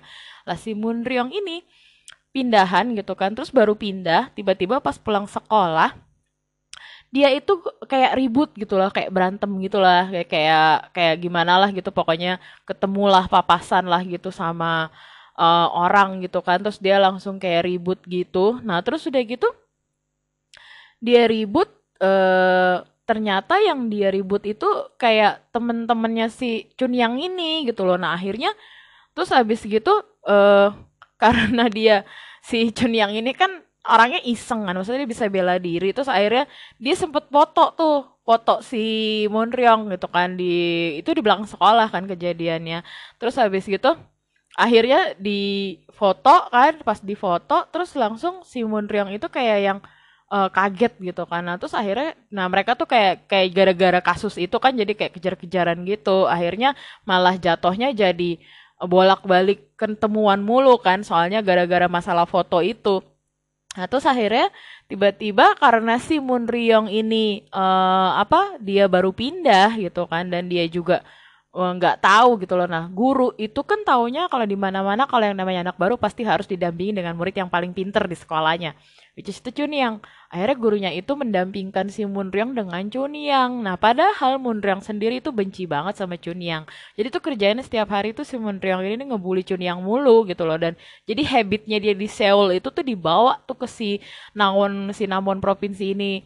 Nah, terus di sekolah barunya ini gitu kan. Nah, akhirnya dia itu kayak si ngeprank si Chunyang terus udah gitu nah ternyata hasil pranknya si Chunyang tanpa sengaja itu berefek ke Chunyangnya. Jadi si Mundrang kaget karena biasanya kalau dia ngeprank si Chunyang nih Chunyangnya baik-baik aja gitu loh dan ternyata pas si Chunyang diprank sama si Mundrang dia sakit gitu loh dan dia nggak masuk gitu kan. Nah terus Mundrangnya jadi ngerasa bersalah kan soalnya dia kok tiap dia berapa hari ke sekolah kok si Chunyang nggak ada di kelas gitu dan karena kan mereka beda kelas kan. Terus dia bingung gitu loh. Nah terus akhirnya dia cari tahu cari tahu ternyata si Chunyang itu sakit. Nah terus akhirnya karena dia merasa bersalah gitu kan ya udah dia jenguklah tuh si Chunyang nah jenguk si Chunyang eh dikira di, karena dilihat kan itu Chunyang tuh nggak punya siapa-siapa jadi orang tuanya tuh dia udah nggak punya orang tua kan. Jadi dia bener-bener tuh sendiri hidupnya tuh bener-bener mandiri banget gitu loh. Nah terus dia sambil nungguin sih dia kan ngobrol. Nah si Chunyang kan sakit ya dalam kondisi yang istilahnya kayak setengah sadar gitu. Terus dia ngeliat namanya Munriang kan orangnya tuh kayak udah semaunya semau gue gitu. Jadi nggak kenal karena dia ngerasa dia deket sama Chunyang kan secara dia ngebully Chunyang mulu dia lihat tuh di kulkasnya dia kan dia mau minum kan terus kata si Chunyang oh ya di kulkas ada jus gitu kan. Nah dia ambil tuh satu botol si jus itu. Nah ternyata itu bukan jus itu wine. Jadi karena si Munriang sendiri belum pernah minum wine gitu kan namanya dia masih SMA kan terus dia ditenggak abis gitu loh. Itu si wine-nya itu satu botol itu. Dan akhirnya dia tidur kan karena dia mabok kan tidur. Dan itu tuh cuma ada satu tempat tidur di situ. Dan si Sunjin yang ini karena dia sakit kan dia kondisinya juga udah tidur di situ. Orang dia habis minum obat kan dia sakit. Jadi pas pagi-pagi bangun itu udah tidur berdua gitu di kas di kasurnya si Chunyang itu cucunya kaget Minangnya juga kaget. Nah berhubung itu kan masih zaman dulu banget ya gitu loh. Nah jadi itu juga lucunya tuh gara-garanya ketahuannya si temennya si Chunyang datang karena uh, temannya Chunyang kan ingatnya Chunyang sakit kan Nah, mereka tuh langsung masuk ke rumahnya si Chun yang kaget lah ngelihat si Chun yang lagi tidur sama Moon Ryong gitu. Padahal mereka nggak ngapa-ngapain karena cuma tidur doang loh orang si Chun yang sakit si Moon Ryongnya juga mabok gitu kan, kebanyakan wine. Jadi mereka tuh kayak cuma tidur aja gitu loh. Nah, berhubung karena zaman dulu tuh kayaknya masih gimana gitu ya. Terus heboh kan teman-temannya tuh kaget gitu ngeliat dia berdua. Lah, kenapa bisa gitu kan? Terus akhirnya udah kan? Nah berhubung karena si uh, Munryongnya dari keluarga ya istilahnya keluarga terpandang ya namanya bapaknya juga kepala polisi gitu kan. Nah terus udah gitu nah udah gitu uh, akhirnya tuh terus si temennya ini bingung kan nih gimana gimana? Nah dia karena ngerasa dia kan udah sempat tidur bareng ya. Dan ternyata Munryong itu sebandel-bandelnya gitu kan. Dan se apa setemper-tempernya dia dia tuh masih kolot gitu loh. Jadi tuh si Munryong ini emang keluarganya itu bo dari zaman dinasti Joseon emang itu tuh keturunan uh, kayak jenderal kayak gitu. Terus pengawal istana gitu. Nah sekarang akhirnya bapaknya kan jadi kepala polisi kan. Orang penting pula udah gitu bapaknya kan mau diangkat jadi jaksa Nah dia, dia tuh kerjanya suruh baca hukum mulu. Padahal sebenarnya dia cita-citanya si bapaknya Munriang ini untuk menjadikan Munriang itu juga seorang jaksa gitu kan. Nah kan dia nggak pulang-pulang kan. Terus dia ngeliat di handphonenya ternyata bapak ibunya tuh nyariin dia semalaman gitu loh. Dia kan bingung dong. Pasti kan nanti dia pulang ditanya duh gue tidur di mana ya? Sedangkan bapaknya itu kerjaannya mukulin mundur yang mulu pakai rotan kalau ke mana-mana. Jadi dia tahu anaknya tuh bandel banget. Dan dia tuh takut kan kalau pulang. Terus akhirnya diumpetin deh tuh sama temen-temennya gitu kan. Jadi jangan sampai ketahuan gitu loh. Dan ternyata itu tuh nggak sengaja. Jadi mereka berdua tuh berantem. Terus kan jadi ya namanya Cunya Ombrong ini memang terkenal kayak Tom and Jerry-nya sekolahnya gitu kan. Nah, terus mereka masuk tuh ke ruangan radio dan ruangan radionya itu ternyata intercomnya tuh nggak sengaja tuh nyala. Jadi tuh terus tiba-tiba si Chun Yang itu ngungkit masalah ketika si Moon Ryong itu tidur di rumahnya. Terus habis itu tanpa sengaja satu sekolah tuh denger semua. Oh, kaget kan semuanya. Terus akhirnya ya kan karena uh, jadi bocor kan semuanya. Udah gitu sekolah pula sekolah mahal. Padahal yang sendiri tuh banyak yang suka secara ya anak orang kaya. Terus udah gitu ganteng pula. Wah inilah pokoknya keren lah gitu kan. Nah jadi tiba-tiba cewek-cewek tuh banyak yang oh kenapa Cuniang? gitu kan segala macam. Nah akhirnya mereka berdua dipanggil dong sama kepala sekolah sama guru-gurunya. Jangan mereka tuh baru si tingkat akhir kan. Mereka baru mau lulus SMA terus akhirnya uh, abis gitu mereka dipaksa deh tuh karena untuk demi menjaga reputasi sekolah kan dan keluarganya mereka gitu. Akhirnya mereka dipaksa untuk nikah gitu kan sama semua pihak gitu loh. Dan ya masih SMA terus nikah gitu kan. Akhirnya ya udahlah mau nggak mau walaupun itu dari hasil kejar-kejaran ya. Jadi awalnya si Chunya nggak mau terus udah gitu Monryong nggak mau. Terus saya ternyata eh si Chunyang itu ada yang suka juga ternyata di sekolahnya. Nah akhirnya lucunya lagi tuh yang suka sama Chunyang tuh bilang gini kalau emang Monryong nggak mau menikahi lo gak apa-apa gue yang nikahin lo terserah uh, walaupun anak itu anak yang Monryong tapi aku rela padahal nggak ngapa-ngapain juga gitu kan. Akhirnya gara-gara si Chun di si Munri yang ngelihat si Chun yang ini dideketin sama orang gitu kan. Apalagi nih cowok yang deketin Chunnya juga bukan orang sembarangan gitu loh. Maksudnya ini cowok juga banyak yang suka juga satu sekolah gitu. Dan akhirnya si Munri yang bilang sama orang tuanya bahwa eh apa gue pengen kata dia gitu apa nikahin Chun Yang gitu kan. Akhirnya dia setuju kan. Ya itu akhirnya berdua itu eh apa ini deh tuh mau uh, menikahkan uh, Chunyang. Nah, tapi ketika dalam prosesnya itu ternyata si Munryong itu pernah punya pacar. Jadi bukan pernah punya pacar, emang deket sama satu cewek di Seoul namanya Cherin. Nah, si Cherin ini itu tuh dulu sempet ditembak sama Moon Ryong tapi Cherin tuh nolak. Ya udah karena berhubung si Moon Ryong yang pindah kan ya udah pindahlah gitu loh. Nah, si Cherin tuh nggak tahu menau gitu loh. Nah ternyata karena kebetulan orang tuanya Cherin dikenal sama orang tuanya Moon Ryong akhirnya dia tahu bahwa Moon Ryong itu akan menikah gitu kan dengan seorang uh, satu kelas gitu teman satu kelas apa teman satu sekolahnya gitu namanya Chunyang nah Cherin ngerasa nggak terima dong gitu kan karena bo gue udah uh, ini kok tiba-tiba ternyata Munryong mau nikah gitu loh. Nah setelah pas dia si Cherin itu berusaha untuk nyusulin Munryong, ternyata udah terlanjur Munryong itu udah nikah duluan sama si Chunyang. Tapi emang dasar ya perempuan gatel kan. Karena dia nggak terima kenyataan gitu, dia tetap deketin Munryong awalnya juga nikahnya tuh lucu banget gitu si Munryong sama Chunyang ini karena memang aslinya mereka dipaksa menikah kan jadi si Chunyangnya juga yang nikah juga ogah-ogahan gitu loh yang lari-larian gitu kan. Tinggal aja tuh uh, apa udah di rumahnya Munryong tapi masih beda kamar gitu kan karena si Chunyangnya juga nggak mau gitu kan. Nah terus pas gitu ternyata uh, si akhirnya kan pindah lagi tuh ke Seoul kan si uh, setelah lulus sekolah SMA. Nah, si Chun Yang itu ternyata ditaksir dong sama salah satu le, agency lah, direktur agency gitu, ditawarin untuk uh, kayak jadi artis gitu kan di agency gitu. Nah, akhirnya si siapa? Si Chun yang ini bingung kan karena dia ditawarin gitu loh dari udah gitu mau jadi artis juga gitu loh. Nah di sisi lain dia udah nikah gitu karena kan berhubung karena dia nikah muda apalagi dia nikah di zaman sekolah jadi tuh mereka berdua tuh kayak ngumpetin identitasnya gitu. Kalau mereka berdua itu udah nikah dan gitu kan juga nggak belum hamil juga gitu loh dan mereka juga masih pisah kamar gitu kan nggak tinggal nggak tinggal bareng gitu kan.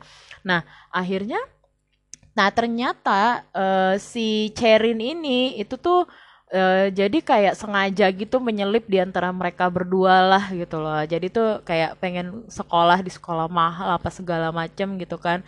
Nah, ternyata si si Munryong ini karena uh, dia itu kan uh, tadi disuruh sama bapaknya kan jadi jaksa gitu kan. Dan dia harus kuliah dia tuh di salah satu universitas yang keren lah gitu anggap kata ternama dan unfortunately si Cherin ini uh, si Cherin ini, ini ternyata si Hong Cherin ini kuliah di tempat kampus itu dan Munryong tuh nggak tahu. Nah si Chun Yang sebagai siswa pintar kan karena dia dia pikir gue nggak butuh untuk gue ngelanjutin kuliah. Padahal keluarganya Munriang menawarkan si Chunyang untuk kuliah tapi dia nggak enak kan karena dia ngerasa bahwa gue nggak mau ditopang sama keluarga suami gue gitu karena dia terbiasa mandiri jadi dia nggak mau menerima bantuan itu. Akhirnya dia nggak bantu si Munryong gimana caranya biar dia lulus dan dia masuk ke kampus yang ternama itu gitu kan.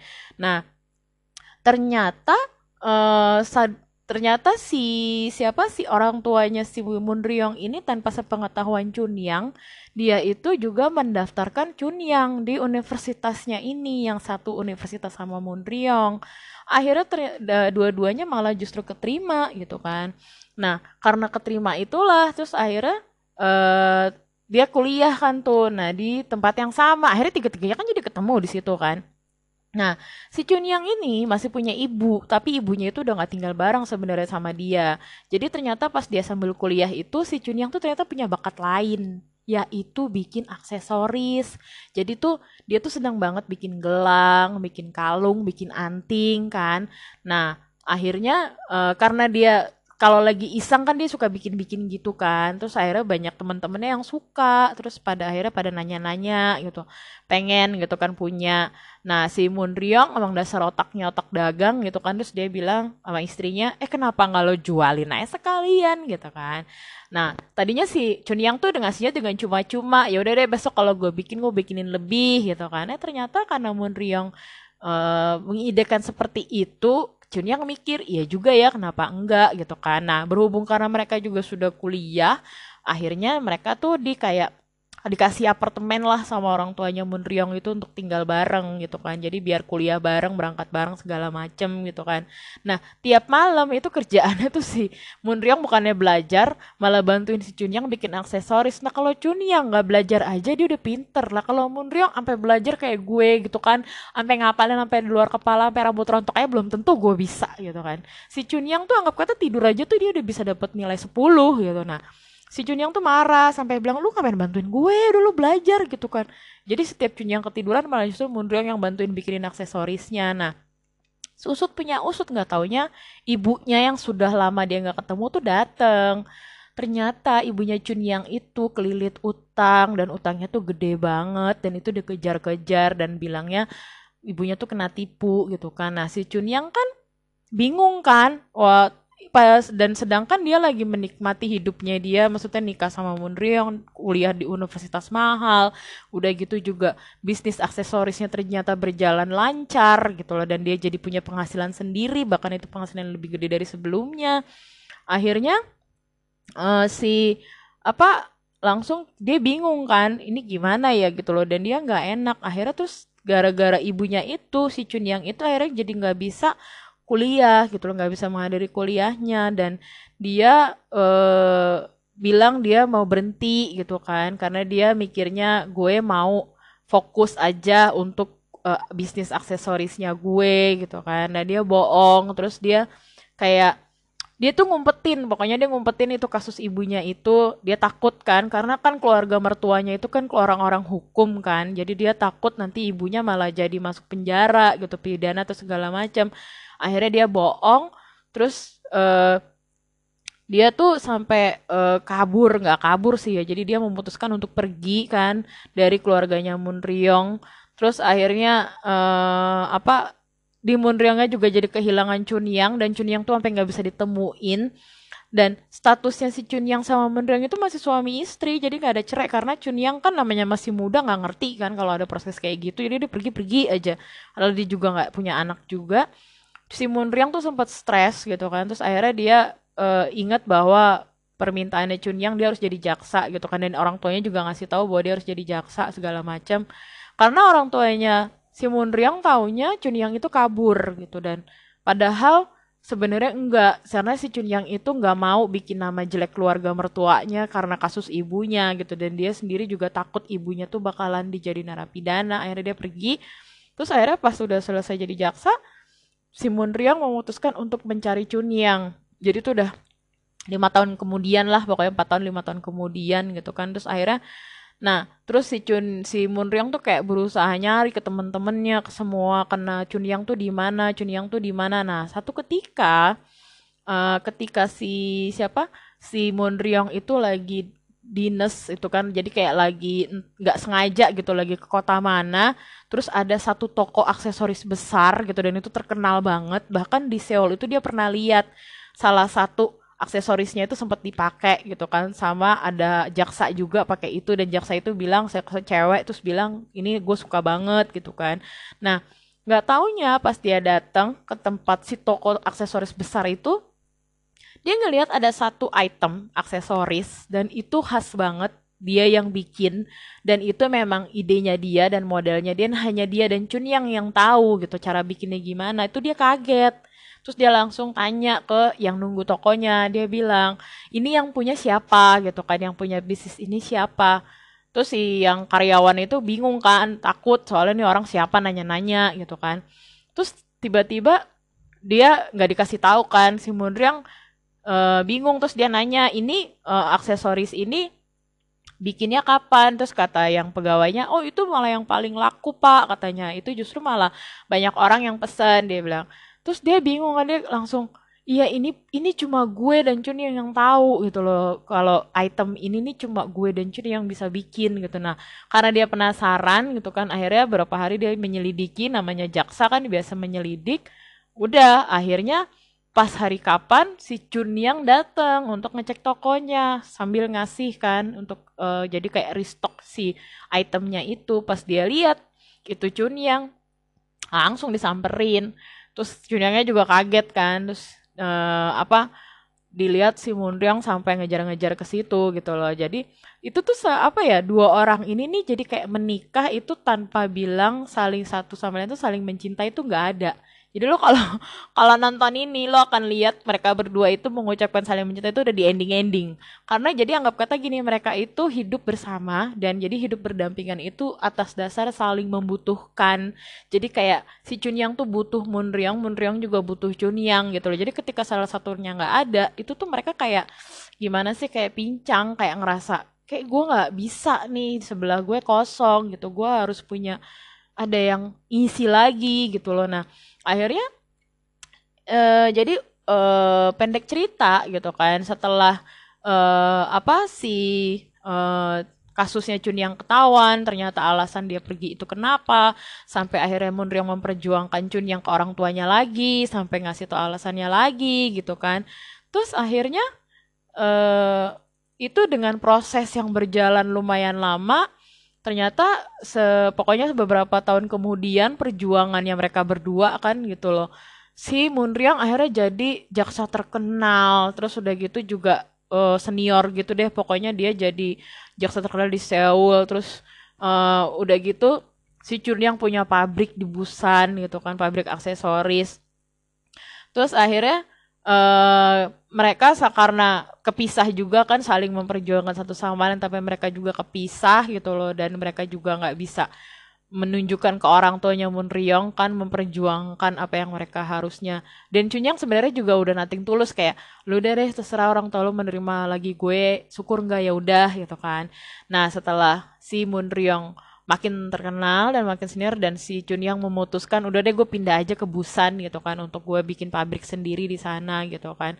Eh ternyata mereka dipertemukan lagi gitu kan. Dan orang tuanya si Moon Ryong sendiri pun uh, udah pasrah karena si Monryong tuh kayak disuruh nikah sampai dikasih biro jodoh aja Monryong nggak mau karena menurut dia buat dia gue cuma butuh Chunyang gitu karena ternyata mereka diketemukan lagi di uh, pernikahan temennya salah satu temennya teman sekolah mereka berdua dan mereka ketemu di situ. Dan akhirnya uh, karena ketemu di situ kan ya udahlah temen-temennya tuh kayak langsung apa ya uh, kayak yang uh, bilang udah deh kalian berdua balikan lah segala macam. Dan akhirnya uh, mereka jadi kayak nikah lagi gitu loh setelah proses bla bla bla segala macam. Akhirnya si Munryang sama si Chunyang karena Munryang lamar kan akhirnya si Chunyang nerima akhirnya mereka nikah lagi dan bener-bener nikah asli. Jadi kayak bukan nikah kayak anak sekolahan. Jadi emang bener-bener mereka mencatatkan pernikahan mereka itu di catatan sipil dan nikah beneran. Jadi sampai mereka tuh teman-temannya datang orang tuanya datang semua keluarganya datang happily ever after. Itu setelah endless love ya ada Chun yang ini gue ngerasa terobati sih sebenarnya. Akhirnya gue ada menceritakan happy ending gitu kan. Jadi ini salah satu soundtracknya Chun Yang yang nanti gue mau setel mau ke gue bah gue kasih tahu. Nah abis Chun Yang ada lagi satu dra uh, ada mungkin dua drama yang akan gue bahas lagi yang benar-benar ngehits di awal 2000-an dan ini sebenarnya jadi kayak uh, apa ya eh, pustakanya daftar pustaka bagi yang newbie newbie drakor ya atau yang baru banget ngefans sama drakor. Jadi nanti ditungguin aja. Jadi kita dengerin lagu soundtrack Chin yang ya oke? okay?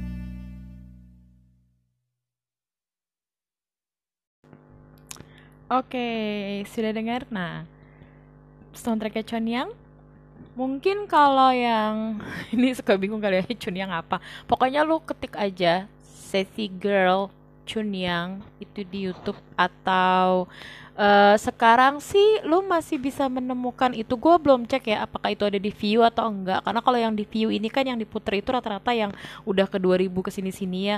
Jadi kayak yang ngehits ngehits gitu yang diputer di view tapi it's okay. Nggak ada salahnya lu coba cek.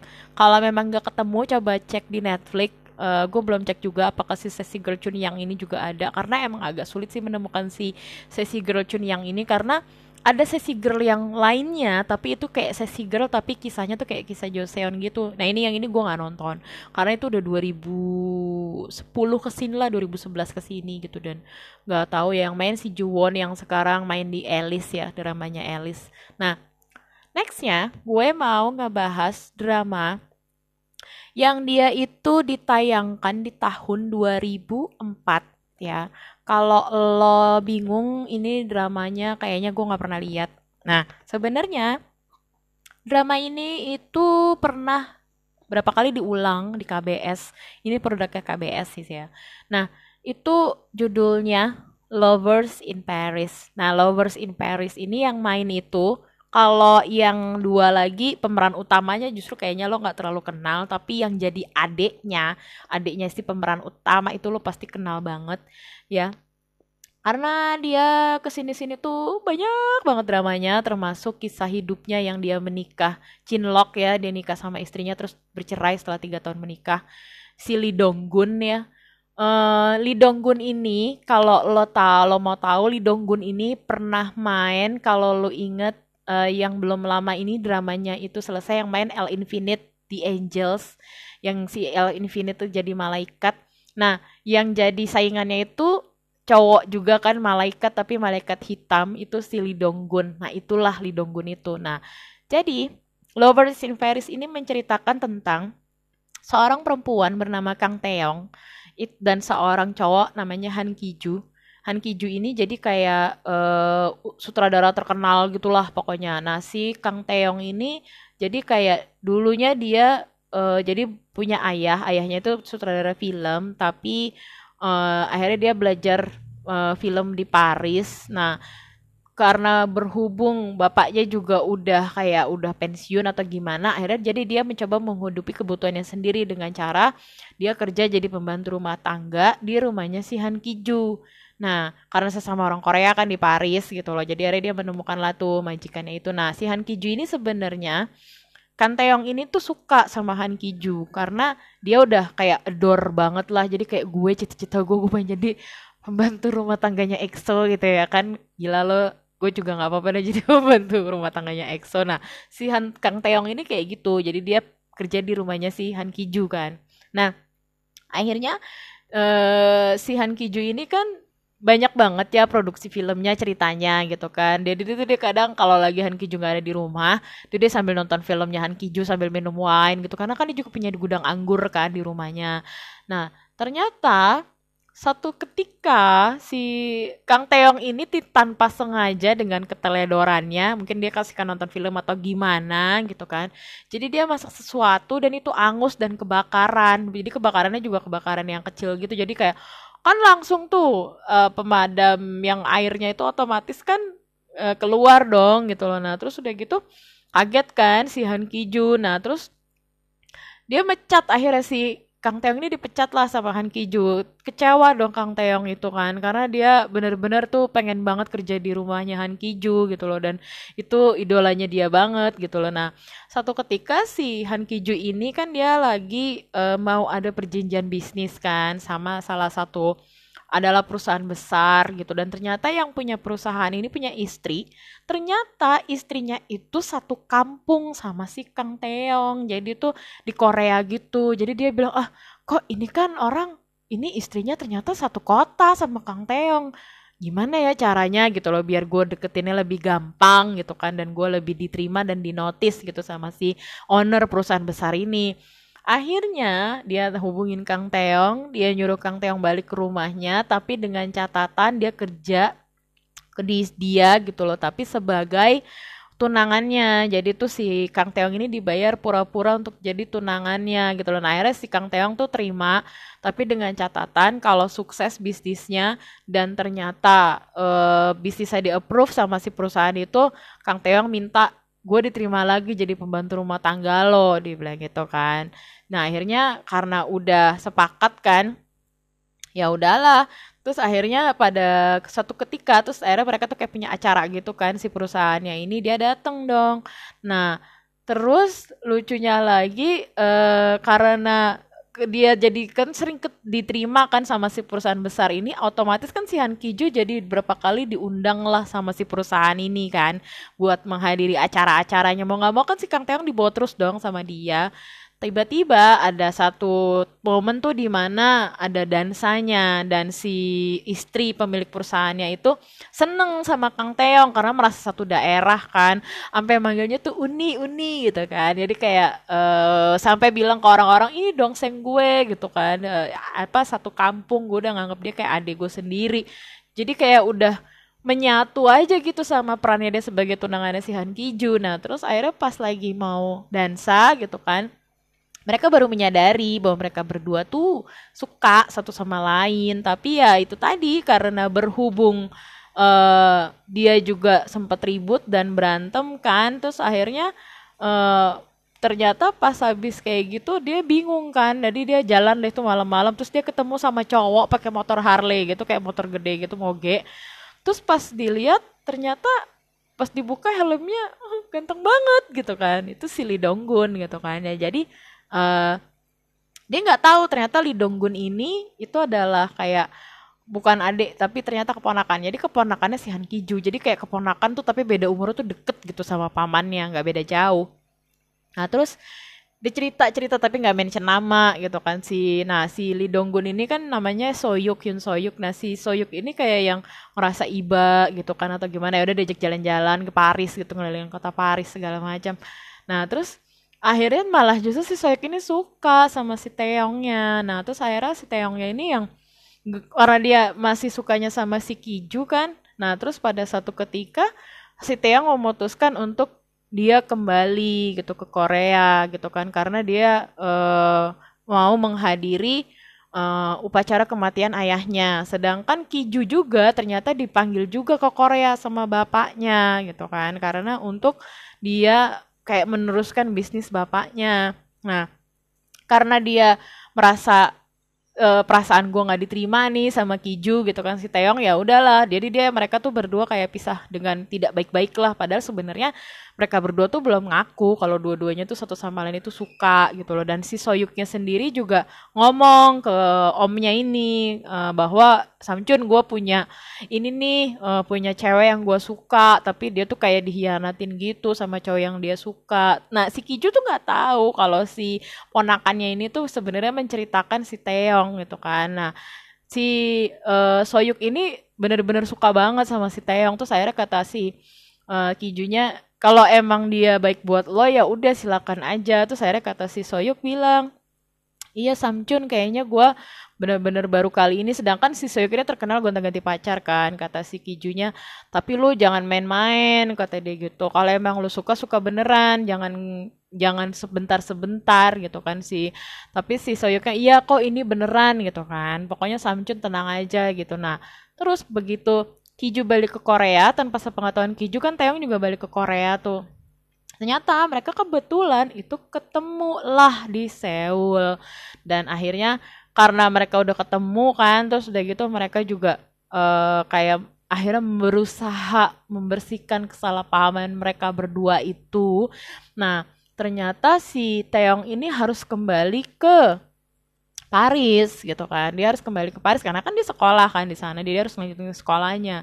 Nah terus ternyata dia pulang dong ke rumahnya nggak taunya rumahnya itu tuh buat jaminan utang ke bank sama pamannya. Jadi tuh akhirnya rumahnya dia itu jadi kayak dia tuh kan yang ninggalin rumahnya itu sepupunya kan karena pamannya sama sepupunya. Pas dia balik ke rumahnya kaget dong. Ternyata rumahnya itu sudah buat jaminan utang terus sudah gitu sepupunya juga jadi kayak kena utang bapaknya. Terus akhirnya rumah keluarganya juga mau nggak mau kan disita sama bank kan. Akhirnya mau nggak mau dia berdua nih sama sepupunya kayak yang harus menanggung hutang pamannya. Nah ketika dia lagi mencoba masalah segala macem terus uh, dia kan akhirnya nggak jadi pulang ke Paris dong gitu. Dan dia juga kayak yang ya udah deh gue ngurusin uh, ini dulu gitu kan masalah gue dulu gitu loh. Jadi jangan sampai kesian lihat sepupunya juga kan ninggal masa iya sih gue ninggalin dia gitu loh. Nah terus akhirnya abis gitu dia uh, ngam pas gitu kan dia ngambil kamera tuh ke yang uh, ngutangin pamannya kan. Ternyata kamera bapaknya juga digadein sama pamannya.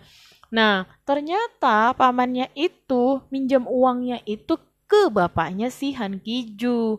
Nah udahlah akhirnya dia malah ketemu si Kiju lagi. Nah terus habis gitu gara-gara itu juga akhirnya si Kiju juga kaget. Ternyata hidupnya si Teong ini tuh sulit gitu kan. Akhirnya si Kiju kayak yang ya udah deh uh, kayak simpati gimana kan sama si Teong ini. Nah terus di lain sisi ternyata ponakannya si Kiju si Soyuk ini pulang ke Korea. Karena dia ngerasa gue kangen nih sama si Teong kok Teong gak balik-balik ke Paris kan? Akhirnya dia ngelacak lah tuh Teong keberadaan Teong tuh ada di mana. Nah Nggak taunya ternyata si Teong kan akhirnya pindah tuh karena rumahnya juga disita sama bank. Jadi mereka dengan sisa-sisa uang yang dia masih punya, jadi dia tinggal lah tuh di salah satu uh, bukan apartemen ya, jadi mau kayak rumah mungkin rumah disewakan tapi dia ada berapa lantai gitu. Nah si Teong ini tuh tinggal di bawah di lantai dua apa lantai berapa gitu. Nah di atasnya itu si Soyuk tinggal di situ. Nah nggak taunya pas kapan papasan dong bro. Karena si Soyuk tuh nyari Teong ke mana-mana nggak tanya Teongnya tinggal di lantai bawah tempatnya dia tinggal gitu kan. Dan ternyata akhirnya ya udahlah karena si Teong tinggal di situ terus jadi malah ketemu terus kan sama si Soyuknya Nah, dia baru tahu bahwa ternyata dia saingan sama pamannya. Jadi tanpa sengaja karena hubungan hutang-hutang piutang dengan bapaknya Kiju kan akhirnya mau mau Teong tuh sering ketemu sama si Kiju kan. Ya udah, akhirnya si Kiju juga jadi suka nganterin pulang gitu kan. Jadi sampai nemenin si Teong juga. Nah, di sisi lain juga si Soyuk kan juga kadang juga sambil nemenin juga gitu loh. Eh ternyata Pas satu malam ketika pamannya itu nganterin si Teong, si Soyuk juga lagi ada di rumah nungguin si Teong. Pas dilihat ternyata wanita yang selama ini dia ceritakan ke pamannya gitu kan. Adalah gitu. Jadi adalah wanita juga yang dicintai sama pamannya. Jadi pamannya juga juga cerita sama si Soyuk. Ya ini gue juga lagi suka sama perempuan gitu loh. Di gue ketemu dia di Paris gitu. Tapi sekarang dia udah balik ke sini. Dipikir si Soyuk pak yang disukai sama pamannya tuh bule gitu loh. Tapi ternyata orang Korea gitu kan. Dan dan ternyata tuh cewek yang dia suka juga. Mau nggak mau kan jadi ribet kan karena ternyata dia harus saingan sama pamannya sendiri gitu loh. Ya udah akhirnya si apa Nah, ternyata di sisi lain si Kiju ini pun sudah disiapkan untuk dijodohkan sama orang tuanya, itu sama salah satu politisi berpengaruh di Korea jadi uh, anaknya politisi gitulah gitu kan.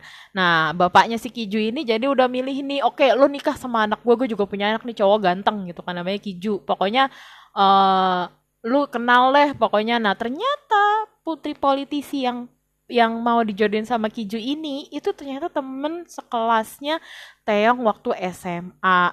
Nah akhirnya setelah tahu dia saingan sama si Teong karena Teong dari orang yang biasa-biasa aja gitu kan merasa tersaingi dong gitu ya. Udah dia berusaha untuk memenangkan hatinya si Kiju.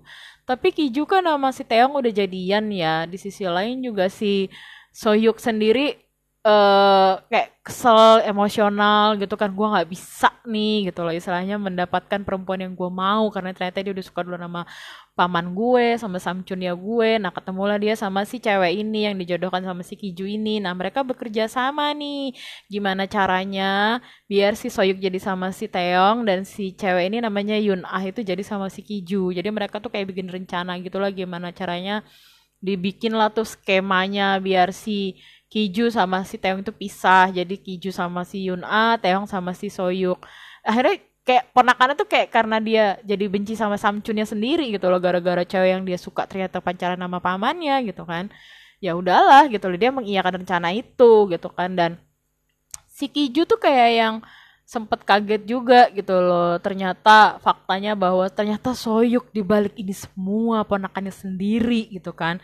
Nah terus pas gitu uh, si siapa sih uh, Kiju Kijunya ini tuh kayak udah ngemaafin segala macem. Terus udah apa sih udah gimana gitu. Uh, pokoknya kayak uh, kayak kayak gak nyangka gitu lah kalau ternyata ponakannya yang telah melakukan ini semua gitu kan. Nah tahu-tahu si Soyuk itu kecelakaan mobil. Soyuk kecelakaan mobil terus udah gitu dia dirawat rumah sakit terus akhirnya uh, dia karena dia udah merelakan si Teong sama si uh, Kiju kan dan si Kiju nggak tega sebenarnya. Dia nggak kasihan juga ngeliat ponakannya gitu loh. Ternyata dia cinta mati sama si Teong akhirnya dia memutuskan untuk udah deh Teong lu jadi sama si ponakan gua aja gitu. Dan Teong juga ya udah deh gitu kan. Karena kasihan juga ngeliat dia kecelakaan kan. Nah di sisi lain si Soyuk sendiri tuh kayak ngerasa kayak gua nggak bisa nih masa iya sih demi gue paman gua nggak bahagia gitu kan akhirnya karena kecelakaan itulah momen tepat dia pura-pura hilang ingatan. Jadi dia kayak pura-pura lupa itu siapa tuh Teong yang dia cuma keluarganya dia nggak inget Teong gitu kan. Dia nggak bisa gitu loh dan dia tuh benci pura-pura benci sama si Teong. Akhirnya dia di, kembali lagi ke Paris. Ya udah si Kiju sama si Teong jadian lagi gitu loh dan si yang bekas tunangannya itu ya yang mau ditun dinikahkan sama si Kiju si Yun A ini karena tahu si Soyuk tidak mendukung rencananya dan Soyuk memutuskan untuk mendukung pamannya dan si Teong. Ya si Yun A mau nggak mau kan dia harus ngelepasin si Kiju. Akhirnya cincin tunangan yang dikasih sama bapaknya Kiju itu dilempar deh ke sungai Hanggang gitu kan. Ya sudahlah gitu loh. Jadi uh, ya udah akhirnya uh, si Kiju sama si Teong akhirnya ketemu lagi gitu loh. Tapi karena si Kiju keluarga Kiju nggak suka sama si Teong jadi mereka kayak dipisah gitu loh pokoknya sementara gitu kan. Jadi Kiju balik ke Paris Teong di Korea terus pas udah dua tahun kemudian nah si uh, Kiju ini kan punya perusahaan tuh. Nah perusahaan bapaknya itu kan kayak perusahaan mobil terkenal kalau kita tuh kayak KIA gitu kan. Nah akhirnya si Kiju uh, kayak ada acara ke Paris kan untuk perusahaannya ini kayak bikin promosi mobil barunya, produksi mobil barunya itu berangkatlah si Kiju ke Paris. Nah, abis gitu pada satu ketika kan awal mulanya dia ketemu si Teong itu kan si Kiju jadi awal pembantu rumah tangganya Kiju gara-gara air mancur di Paris tuh jadi kayak ngelempar koin gitu kan. Jadi si Kiju waktu itu permintaannya semoga ada orang yang bisa dampingin gue gitu kan menemani dua hidup gue. Nah kalau Ki Teong minta hidup bahagia dipertemukan dengan orang yang tepat. Nah pas dia kembali ke Paris gitu dua si Kiju ke Paris nah si Teong kan tinggal di Paris. Terus si Kiju ngeliat kolam air mancur itu. Terus dia lempar koin lagi kan. Dia cuma bilang bahwa uh, pengen ketemu lagi sama Teong gitu kan. Gue pengen menyatu lagi sama dia. Terus akhirnya si uh, Teong juga pas banget. Ternyata dia ada di sisi sebelah lainnya di air mancurnya itu. Si Teong juga mengucapkan hal yang sama. Nah karena dia dengar kan ada orang berbahasa Korea gitu loh. Dan itu berdua langsung cari-carian kan nih siapa yang ngomong pakai bahasa Korea ya? Gitu karena secara dia di Paris gitu. Eh pas ngeliat ternyata ketemulah mereka berdua. Jadi deh mereka berdua happily ever after deh gitu. Lover in Paris. Jadi kalau kalian uh, suka cerita yang agak-agak melo-melo sendu-sendu dan pengen lihat ya berhubung karena kita lagi WFH terus pengen jalan-jalan ke Paris atau gue pengen lihat daerah di luar Asia gitu kan. Lu nonton dah Lovers in Paris. Jadi lo akan lihat tuh background background Paris ya. Itu bisa mengobati kerinduan lo yang tidak bisa jalan-jalan liburan gitu kan. Lo bisa lihat Lover in Paris. Nah Lover in Paris ini mungkin lo bisa cek juga. Hmm, gue kemarin lihat itu ada di mana ya? Gue soalnya pakai tiga aplikasi drama ya. Ada View ada Netflix ada Kiyi entah di IKEA atau di View gue juga lupa gitu kan uh, tapi ya gue nggak uh, gue merekomendasikan drama ini sih sebenarnya kalau untuk orang-orang yang suka jalan-jalan ke negara lain ya gitu loh tapi ya itu terserah selera orang kan beda-beda ya silakan ditonton kalau emang nggak suka ya nggak apa-apa di skip aja gitu kan nah dan ini nextnya itu soundtracknya si Lovers in Paris jadi Simak soundtracknya dulu, nextnya drama apa, ditunggu aja. Oke? Okay?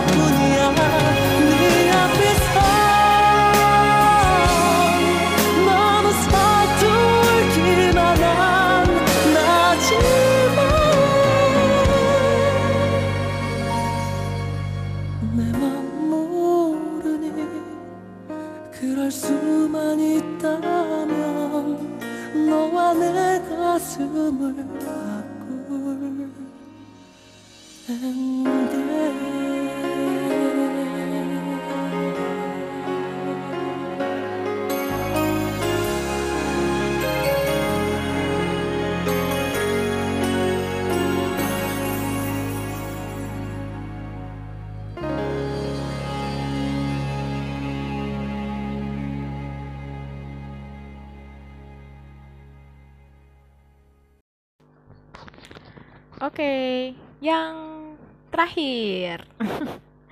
Drama yang terakhir yang mau gue bahas ini kayaknya udah mau masuk-masuk ke ya tahun-tahun 2010-an lah gitu kan. Nah, yang mau gue bahas yaitu judulnya Coffee Prince ya.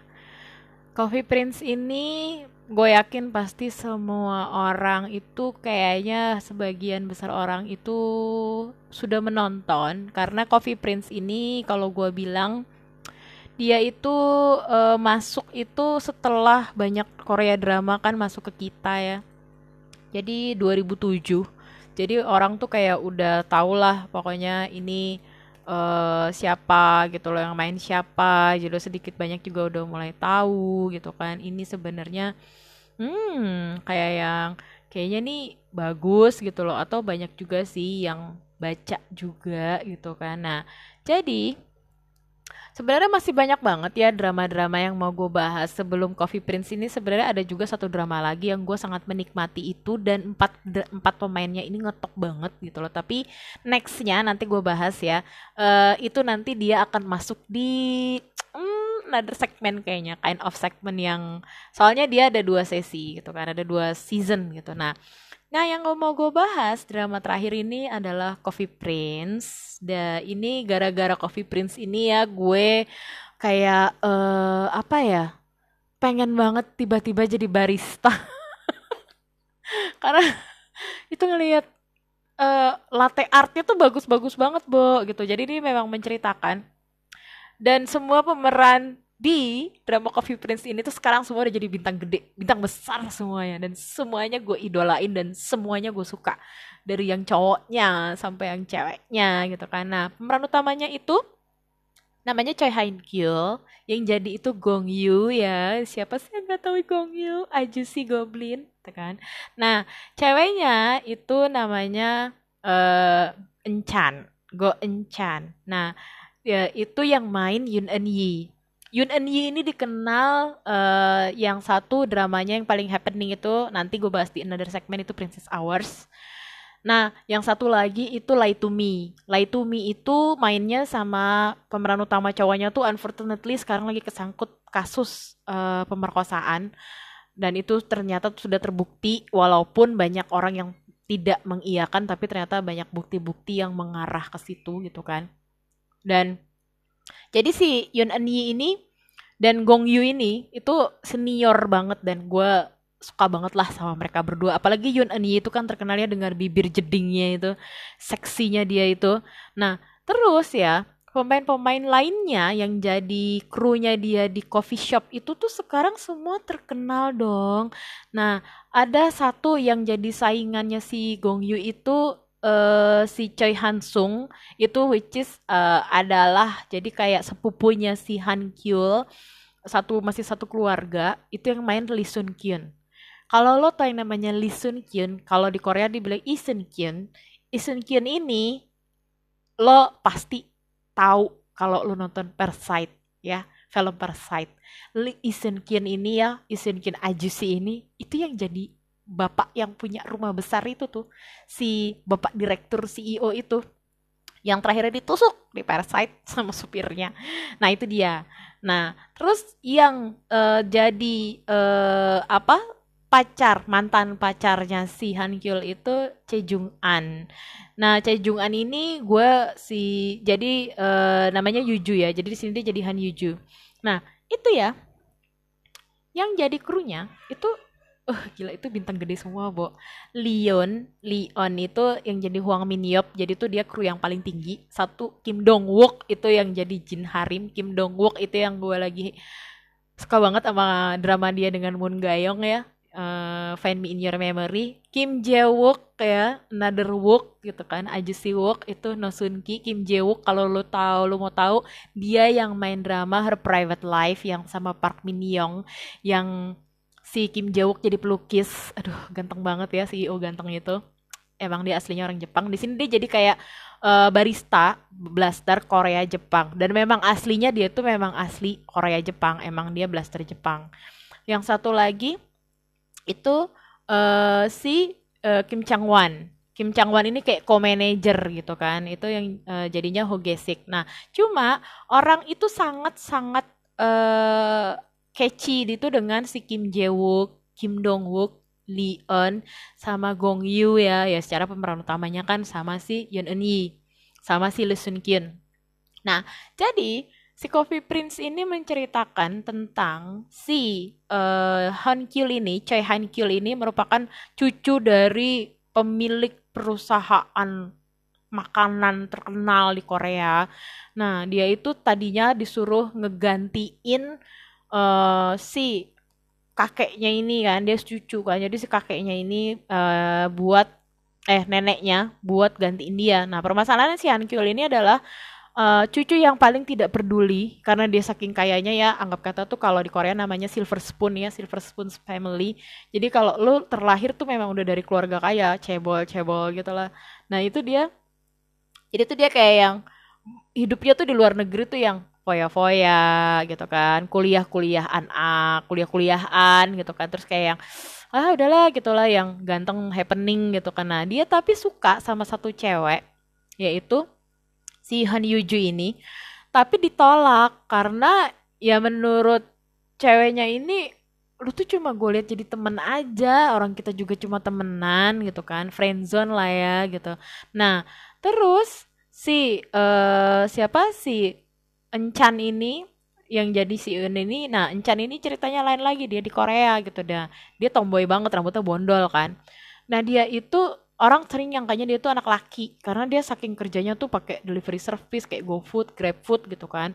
Terus udah gitu ayahnya juga meninggal waktu dia zaman SMA. Jadi tuh dia kayak udah ngasuh semuanya lah gitu loh. Anggap kata adiknya semuanya tuh yang dia yang ngasuh gitu loh. Jadi eh apa semuanya itu atas beban tanggung jawabnya dia. Nah, suddenly si Encan tuh dipecat kan dari tempat kerja dia yang sekarang gitu loh. Nah, dia dipecat terus udah gitu eh kayak apa ya dia tuh bingung kan karena semua orang pas ngeliat KTP-nya dia tuh dia perempuan. Mana mungkin sih gue mempekerjakan perempuan sampai tuh dia ngelamar di perusahaan konstruksi ya buat jadi kuli angkut yang gak dikasih lah orang dia perempuan gitu badan dia kecil. Nah karena nah di sisi lain si Han Kil ini pulang nih ke Korea disuruh pulang sama neneknya gitu kan. Akhirnya eh, si Han Kyul ini disuruh take over coffee shop sama eh, neneknya. Pertama tuh sebenarnya bukan coffee shop, aslinya tuh sebenarnya tuh kayak tempat wine, jadi kayak restoran wine gitu. Nah, cuma dia kan nggak ngerti cara nge-wine gitu. Nah, akhirnya neneknya ngasih dia tanggung jawab gimana caranya lu bikin nih coffee shop atau lu bikin nih shop ini oh ya breadwinner ini ja breadwinner ini jadi happening gitu kan jadi laku karena emang bangunannya tua udah gitu banyak tumbuh-tumbuhan juga kan ya Hankule mikir lah gila kali ya. Nah terus jadi neneknya tuh pengen tahu gimana caranya cucunya ini bisa berusaha dari nol gitu loh. Jadi jangan menikmati kekayaan dia aja gitu kan. Terus akhirnya neneknya bilang pokoknya lu duit keluar duit masuk akan gue monitor. Kalau sampai ini toko rugi katanya. Ya lu gue tutup oh gue balikin lagi lo kalau perlu lo gue hapus dari daftar waris gitu kan. Nah bingung lah Hankyul eh buset coffee shop tua terus gue gimana ngolahnya gitu kan. Nah tapi karena dia dihina juga kan sama si neneknya dan sebenarnya dia anaknya pinter gitu loh. Dan dia kuliahnya juga pinter manajemennya juga bagus gitu loh. Akhirnya dengan eh ditolonglah sama sepupunya ini si Lee Seung Kin ini terus akhirnya dia bikin lah tuh coffee shop. Dia rekrut lah tuh kru-krunya dia gitu kan. Pokoknya dia cuma tapi karena dasar dia orang narsis ya dan dia juga berusaha untuk, untuk atraktif gitu kan gimana caranya nih biar gua nggak boleh pakai iklan karena neneknya tuh tidak memperbolehkan dia pakai iklan billboard gede-gede itu nggak boleh jadi dia buka lowongan di coffee shop dia cuma menerima karyawan pria dan ganteng good looking gitu kan jadi pokoknya dia cuma mau menerima itu. Jadi dia nggak mau tuh yang namanya eh apa nyari karyawan perempuan karena dia tahu customer yang paling banyak itu cewek. Jadi dia butuh karyawan laki dan good looking gitu kan. Nah, si Encan karena udah keputus asaannya dia butuh uang kan dan dia juga dipecat, dia juga harus menanggung hidup keluarganya. Akhirnya dia ngelamar deh tuh di coffee shop itu pura-pura jadi laki ya karena dia emang semua orang juga nyangkanya kan dia anak laki kan. Nah, udah gitu dia muka dia juga lucu gitu, cute gitu kan dan imut gitu. Jadi orang ngeliatnya ih di cowok imut banget gitu loh. Nah, akhirnya dia putuskan lah dia ngelamar deh tuh di Coffee Prince. Dan ternyata diterima dong dan semua orang itu bener-bener nyangkanya tuh dia laki gitu loh padahal dia aslinya tuh perempuan nah terus akhirnya tuh kafe dibuka kan uh masuk koran gitu loh kan istilahnya. Uh keren gitu. Happening banget cowoknya ganteng semua karyawannya tuh cakep semua gitu kan. Gak ada yang jelek gitu. Nah terus si Encan ini tuh banyak yang suka. Jadi pelanggan-pelanggan cewek tuh banyak yang suka karena dia imut kan dia cute gitu ya. Iyalah cewek cute manis gitu kan. Nah terus kan dia tuh karena berat ya maksudnya dia kayak dia ngumpetin gender dia sebagai perempuan kan mau nggak mau dia bekerja harus sebagai laki-laki dong dia ngangkut biji kopi karung biji kopi segala macam. Ketahuannya itu gara-garanya satu ketika si Encan itu harus uh, kayak beli biji kopi itu pokoknya biji kopinya itu yang bener-bener bagus dan segala macam sama si Leon. Leon ini yang paling tinggi kan Nah, si Leon ini tuh akhirnya berangkat lah sama si uh, siapa sama si Encan lah keluar kota. Nah, dia tuh uh, akhirnya jadi tuh dialah yang pertama kali menemukan bahwa Encan itu adalah seorang perempuan gara-garanya waktu pas dia datang ke tempat pertanian kopi itu, perkebunan kopi, si Encan itu kan kayak dia mau gak mau bermalam kan karena jauh ya itu di desa gitu.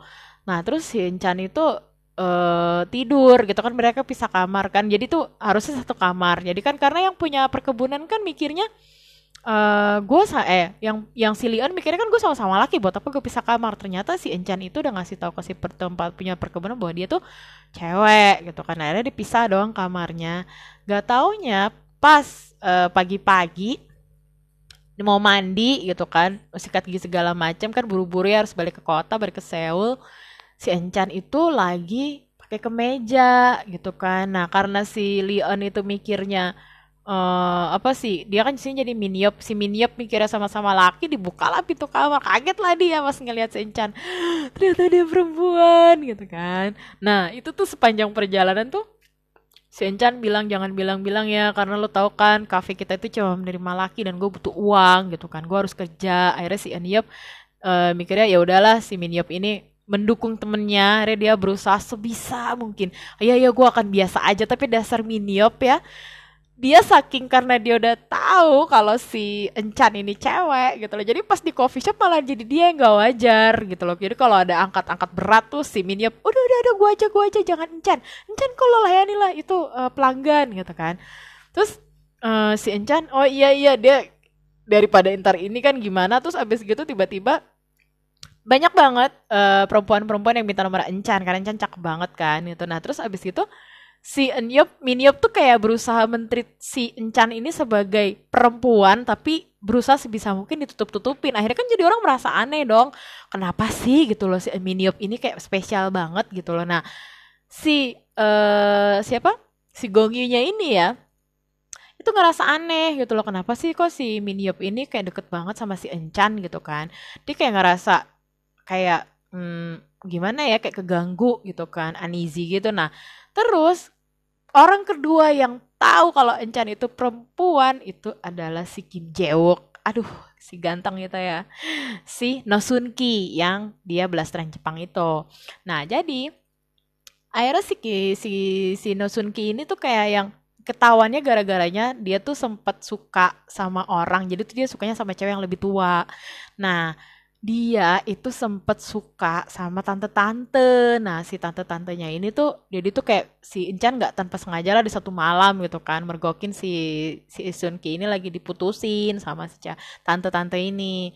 Nah, ternyata si tante-tante ini tuh namanya mungkin udah umur ya, udah matang. Dia bisa mengenali kalau Encan itu perempuan gitu loh. Nah, terus akhirnya uh, si Jaewook ini si Sunki ini kan mabok tuh ya terus akhirnya disusulin sama Encan kan Encan yang nemenin.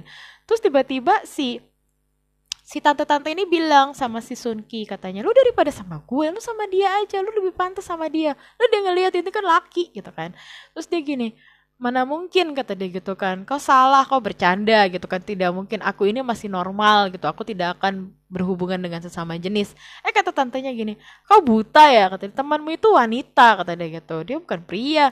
Nah kaget lah si uh, Sunki di situ. Si si Encan nggak bisa menyembunyikan ekspresi wajahnya kan kalau si tante itu kok bisa tahu gitu loh kalau dia perempuan. Nah udah akhirnya si si Sun Ki ini kayak yang kaget gitu kan. Terus ada dia berusaha nanya lu bener perempuan? Kok kenapa lu perempuan? Nah, berhubung Jawok tuh ganteng ya.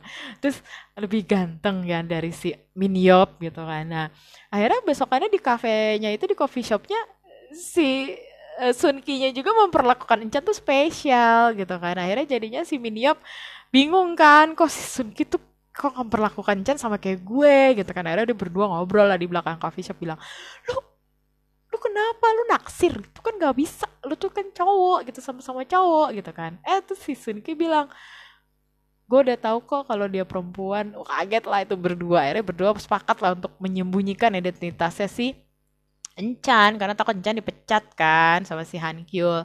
Udah nah karena berdua ini sering banget ya mentreat spesial si Encan gitu si Han Kyul merasa semakin semakin jealous. Dia semakin ih anjir ya gue bos cafe ini tapi lu berdua tuh kayak oh kayak kok kopas ini gue gitu loh. Nah terus akhirnya jadi si si Han Kyu nih karena dia merasa semua orang perhatian sama si Enchan akhirnya dia merasa eh kayaknya lucu juga gitu. Nah akhirnya mereka tuh kayak punya satu acara gitu kayak outing gitu lah istilahnya ke pedesaan gitu nginep gitu kan di perkebunan Terus tiap ada yang ngangkat-ngangkat gitu kan si uh, Miniup sama Sun gitu enggak, enggak gue aja gue aja gue aja gue aja gitu kan.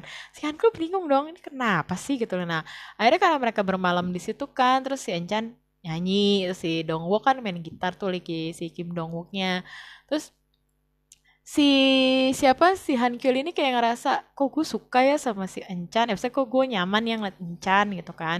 Terus akhirnya jalan bareng berdua ngobrol segala macam terus si Han Kyul ngerasa kok gue kayak punya feeling yang aneh ya sama si Enchan? gitu kan. Jadi kayak mau melindungi Enchan gitu loh bawaannya mau melindungi karena dia kecil kan badannya mungil gitu kan. Terus ada ada mobil dia langsung narik si Encan dan Encannya sendiri pun sebenarnya aslinya suka sama Han Kyo.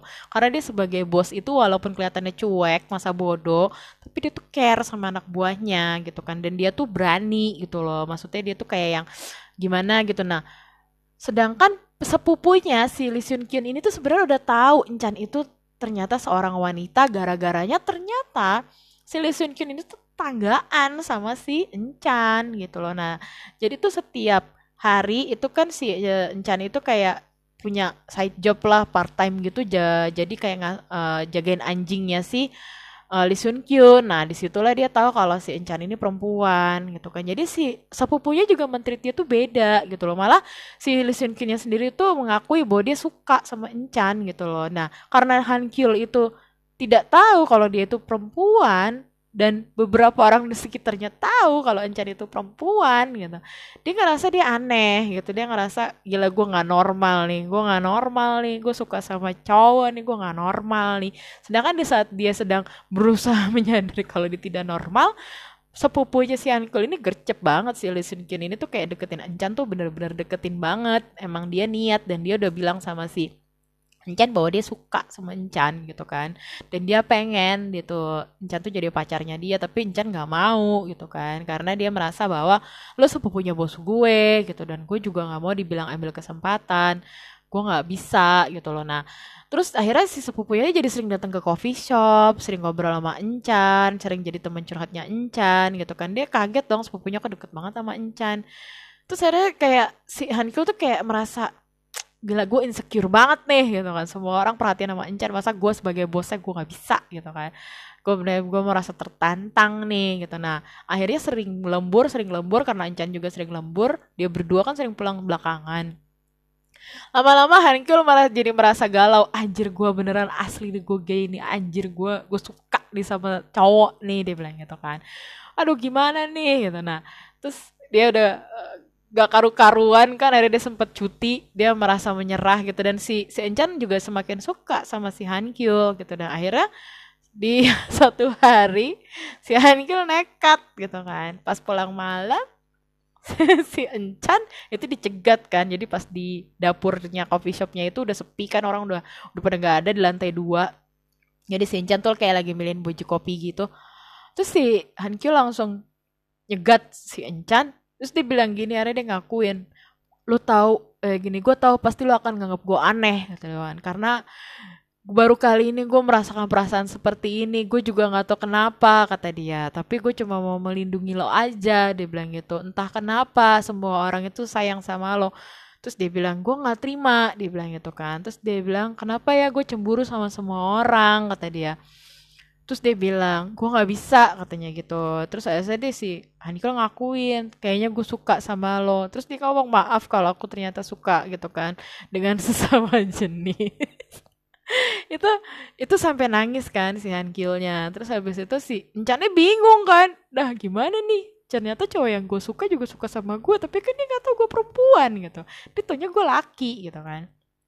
Akhirnya eh di Hankyul ngakuin dan si Encan juga ngak apa bilang juga kalau dia ternyata suka sama si Hankyul udah terus habis gitu eh si Hankyul karena dia jadian kan. Nah, tapi pas jadian itu Hankil belum tahu kalau Encan itu tuh perempuan, masih taunya dia tuh laki. Jadi dia udah menerima kalau dirinya dia tuh suka dengan sesama jenis gitu kan.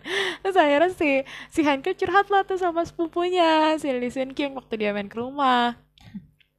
Kan si Sun Kim itu sering cerita bahwa dia itu punya eh, orang cewek gitu kan. Dia suka sama cewek yang suka jagain anjingnya gitu setiap hari bersihin rumahnya setiap hari. Kalau weekend dia suka ketemuan gitu kan. Nah pas ketika si Hankil itu datang ke rumahnya Listen kan si Encan tuh ada di situ. Terus dia jagain anjingnya gitu. Karena si Hankil kan ngeliat dari belakang. Terus dia bilang apakah itu wanita yang kau bilang? gitu kan. Si Hankil kaget dong. Tiba-tiba dia ngeliat ada Encan. Dia langsung buru-buru mau nutupin gitu tapi sepupunya bilang iya itu dia. Terus langsung ditutup gitu krenya kau jangan lihat nanti kau naksir gitu kan. Eh si Hankil bilang gini oh tidak tidak tenang saja aku sudah punya pacar kata dia ada sudah ada orang yang aku suka gitu kan dan aku tidak mungkin melihat orang lain kata dia gitu. Dan kau tidak akan mengerti sepupunya nggak nangkep oh ya udah berarti aman gitu kan. Bukan dong krenya eh encannya puter balik ternyata mukanya encan gitu kan. Kaget lah Hankil langsung bilang itu itu encan kan gitu. Terus abis itu kau bilang dia wanita dia tuh laki-laki. Terus kata sepupunya apa? Memang dia tidak bilang gitu. Kau tidak tahu kalau karyawanmu itu seorang wanita? Kagetlah di situ. Ternyata dia di sisi lain dia senang. Ternyata gue normal gitu. Dan ternyata perasaan gue normal. Gue suka sama cewek tapi di sisi lain dia kayak ngerasa dibodohi gitu loh sama semua orang kalau ternyata si Incan itu perempuan. Soalnya abis dari situ kan dia berusaha dikonfirmasi sama teman-temannya yang di coffee shop kan karyawan-karyawannya. Terus karyawan-karyawannya pada kaget pada bilang gini kalian kaget kan? Kalian kaget kan? Gitu. Kalau Incan itu ternyata perempuan bagaimana ini? Padahal kan aku hanya menerima laki-laki. Eh karyawannya langsung pada ngaku "Eh, kami sudah tahu kalau dia itu perempuan ah udahlah langsung dia pergi kabur kan dari kafenya dia memutuskan untuk cuti gitu kan. Si Encan kan ngerasa nggak enak dia nggak terima terus akhirnya dia berusaha membujuk dia minta maaf lah segala macam bukan maksud membodohi segala terus dia berusaha gue nggak ada maksud dia bilang gitu. Terus akhirnya dibuka tuh pintunya terus di, di, di dia datengin si Encan tuh datengin rumahnya si Han Kyo kan. Jangan jangan ditutup aku mau apa jujur kata dia gitu. Terus dia bilang ya memang aku perempuan tuh sih si Han Kil tuh di balik pintu tuh ketawa-tawa sebenarnya tapi dia nggak mau gitu dia merasa bodoh gitu kan. Terus akhirnya pas dia mau tutup pintu si Encan langsung ngedobrak gitu kan. Terus langsung bilang kau mau menghindariku? Dia bilang ternyata si Han Kil bilang aku bukan mau menghindarimu justru kata dia kalau aku bertemu denganmu aku takut tidak bisa menahan diri karena tahu kalau aku ternyata seorang perempuan gitu kan. Jadi singkat cerita itu tuh kena jadinya endingnya itu adalah karena dua-duanya udah saling mengakui satu sama lain dan udah tahu gendernya masing-masing. Dan ternyata si Encan ini jago banget latte artnya. Dia dia ngirim satu kayak ada sayembara gitu di Itali gitu kan untuk bikin latte art terus akhirnya si Encan berinisiatif untuk mengirimkan hasil latte artnya itu ke si Itali ini kompetisi di Itali. Dan ternyata dia di dapet dan diterima. Terus akhirnya si eh, Encan kan dapat beasiswa kan untuk pergi ke Italia untuk mendalami untuk ininya lagi gitu loh untuk mendalami latte art baristanya juga. Dan ternyata si Encan pinter dan semua orang itu suka gitu. Dan akhirnya ya udahlah terus si Hankyul sepakat mau menunggu si Encan untuk kembali. Dia sekolah dulu deh sana jadi gue yang maintain coffee shop di sini gitu kan. Udah balik-balik si Encan udah pakai baju cewek gitu. Udah jadi cakep gitu kan udah jadi perempuan gitu dan dia pulang dari Italia pula lagi udah jadi barista terkenal gitu kan. Dan dia juga udah diakui di seluruh dunia dan dia tuh jadi dapat sertifikat dari Italia gitu lah. Udah sukses lah intinya. Dan dia pulang ketemulah sama si Hankyo di coffee shop gitu kan. Jadi deh. Jadi itu adalah drama-drama yang ngehits di awal 2000-an ya. Bagi kalian yang newbie-newbie drakor itu silakan disaksikan. Terserah kalian mau nonton atau enggak tapi itu adalah drama-drama yang gue tonton di awal 2000-an yang bikin gue suka sama drama Korea.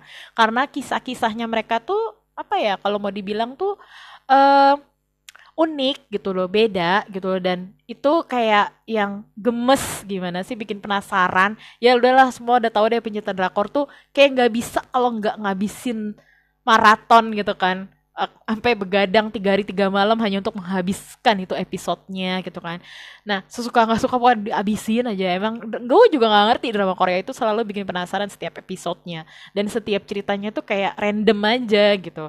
Nah jadi Semoga kalian menikmati segmen gue kali ini dan semoga drama-drama Korea yang gue bahas kali ini tuh juga bisa bikin kalian punya referensi baru ya untuk drama-drama Korea awal 2000-an. Jadi bagi yang newbie, lo bisa lihat drama-drama dulunya Korea itu ketika belum Hallyu Wave atau baru beranjak akan Hallyu Wave itu seperti apa. Jadi silakan ditonton kalau memang kalian berminat dan tertarik dan you juga udah dengerin segmen gue kali ini. Semoga kalian menikmati segmen gue kali ini dan terakhir gue akan puterin soundtracknya Coffee Prince. Thank you guys. guys. Bye.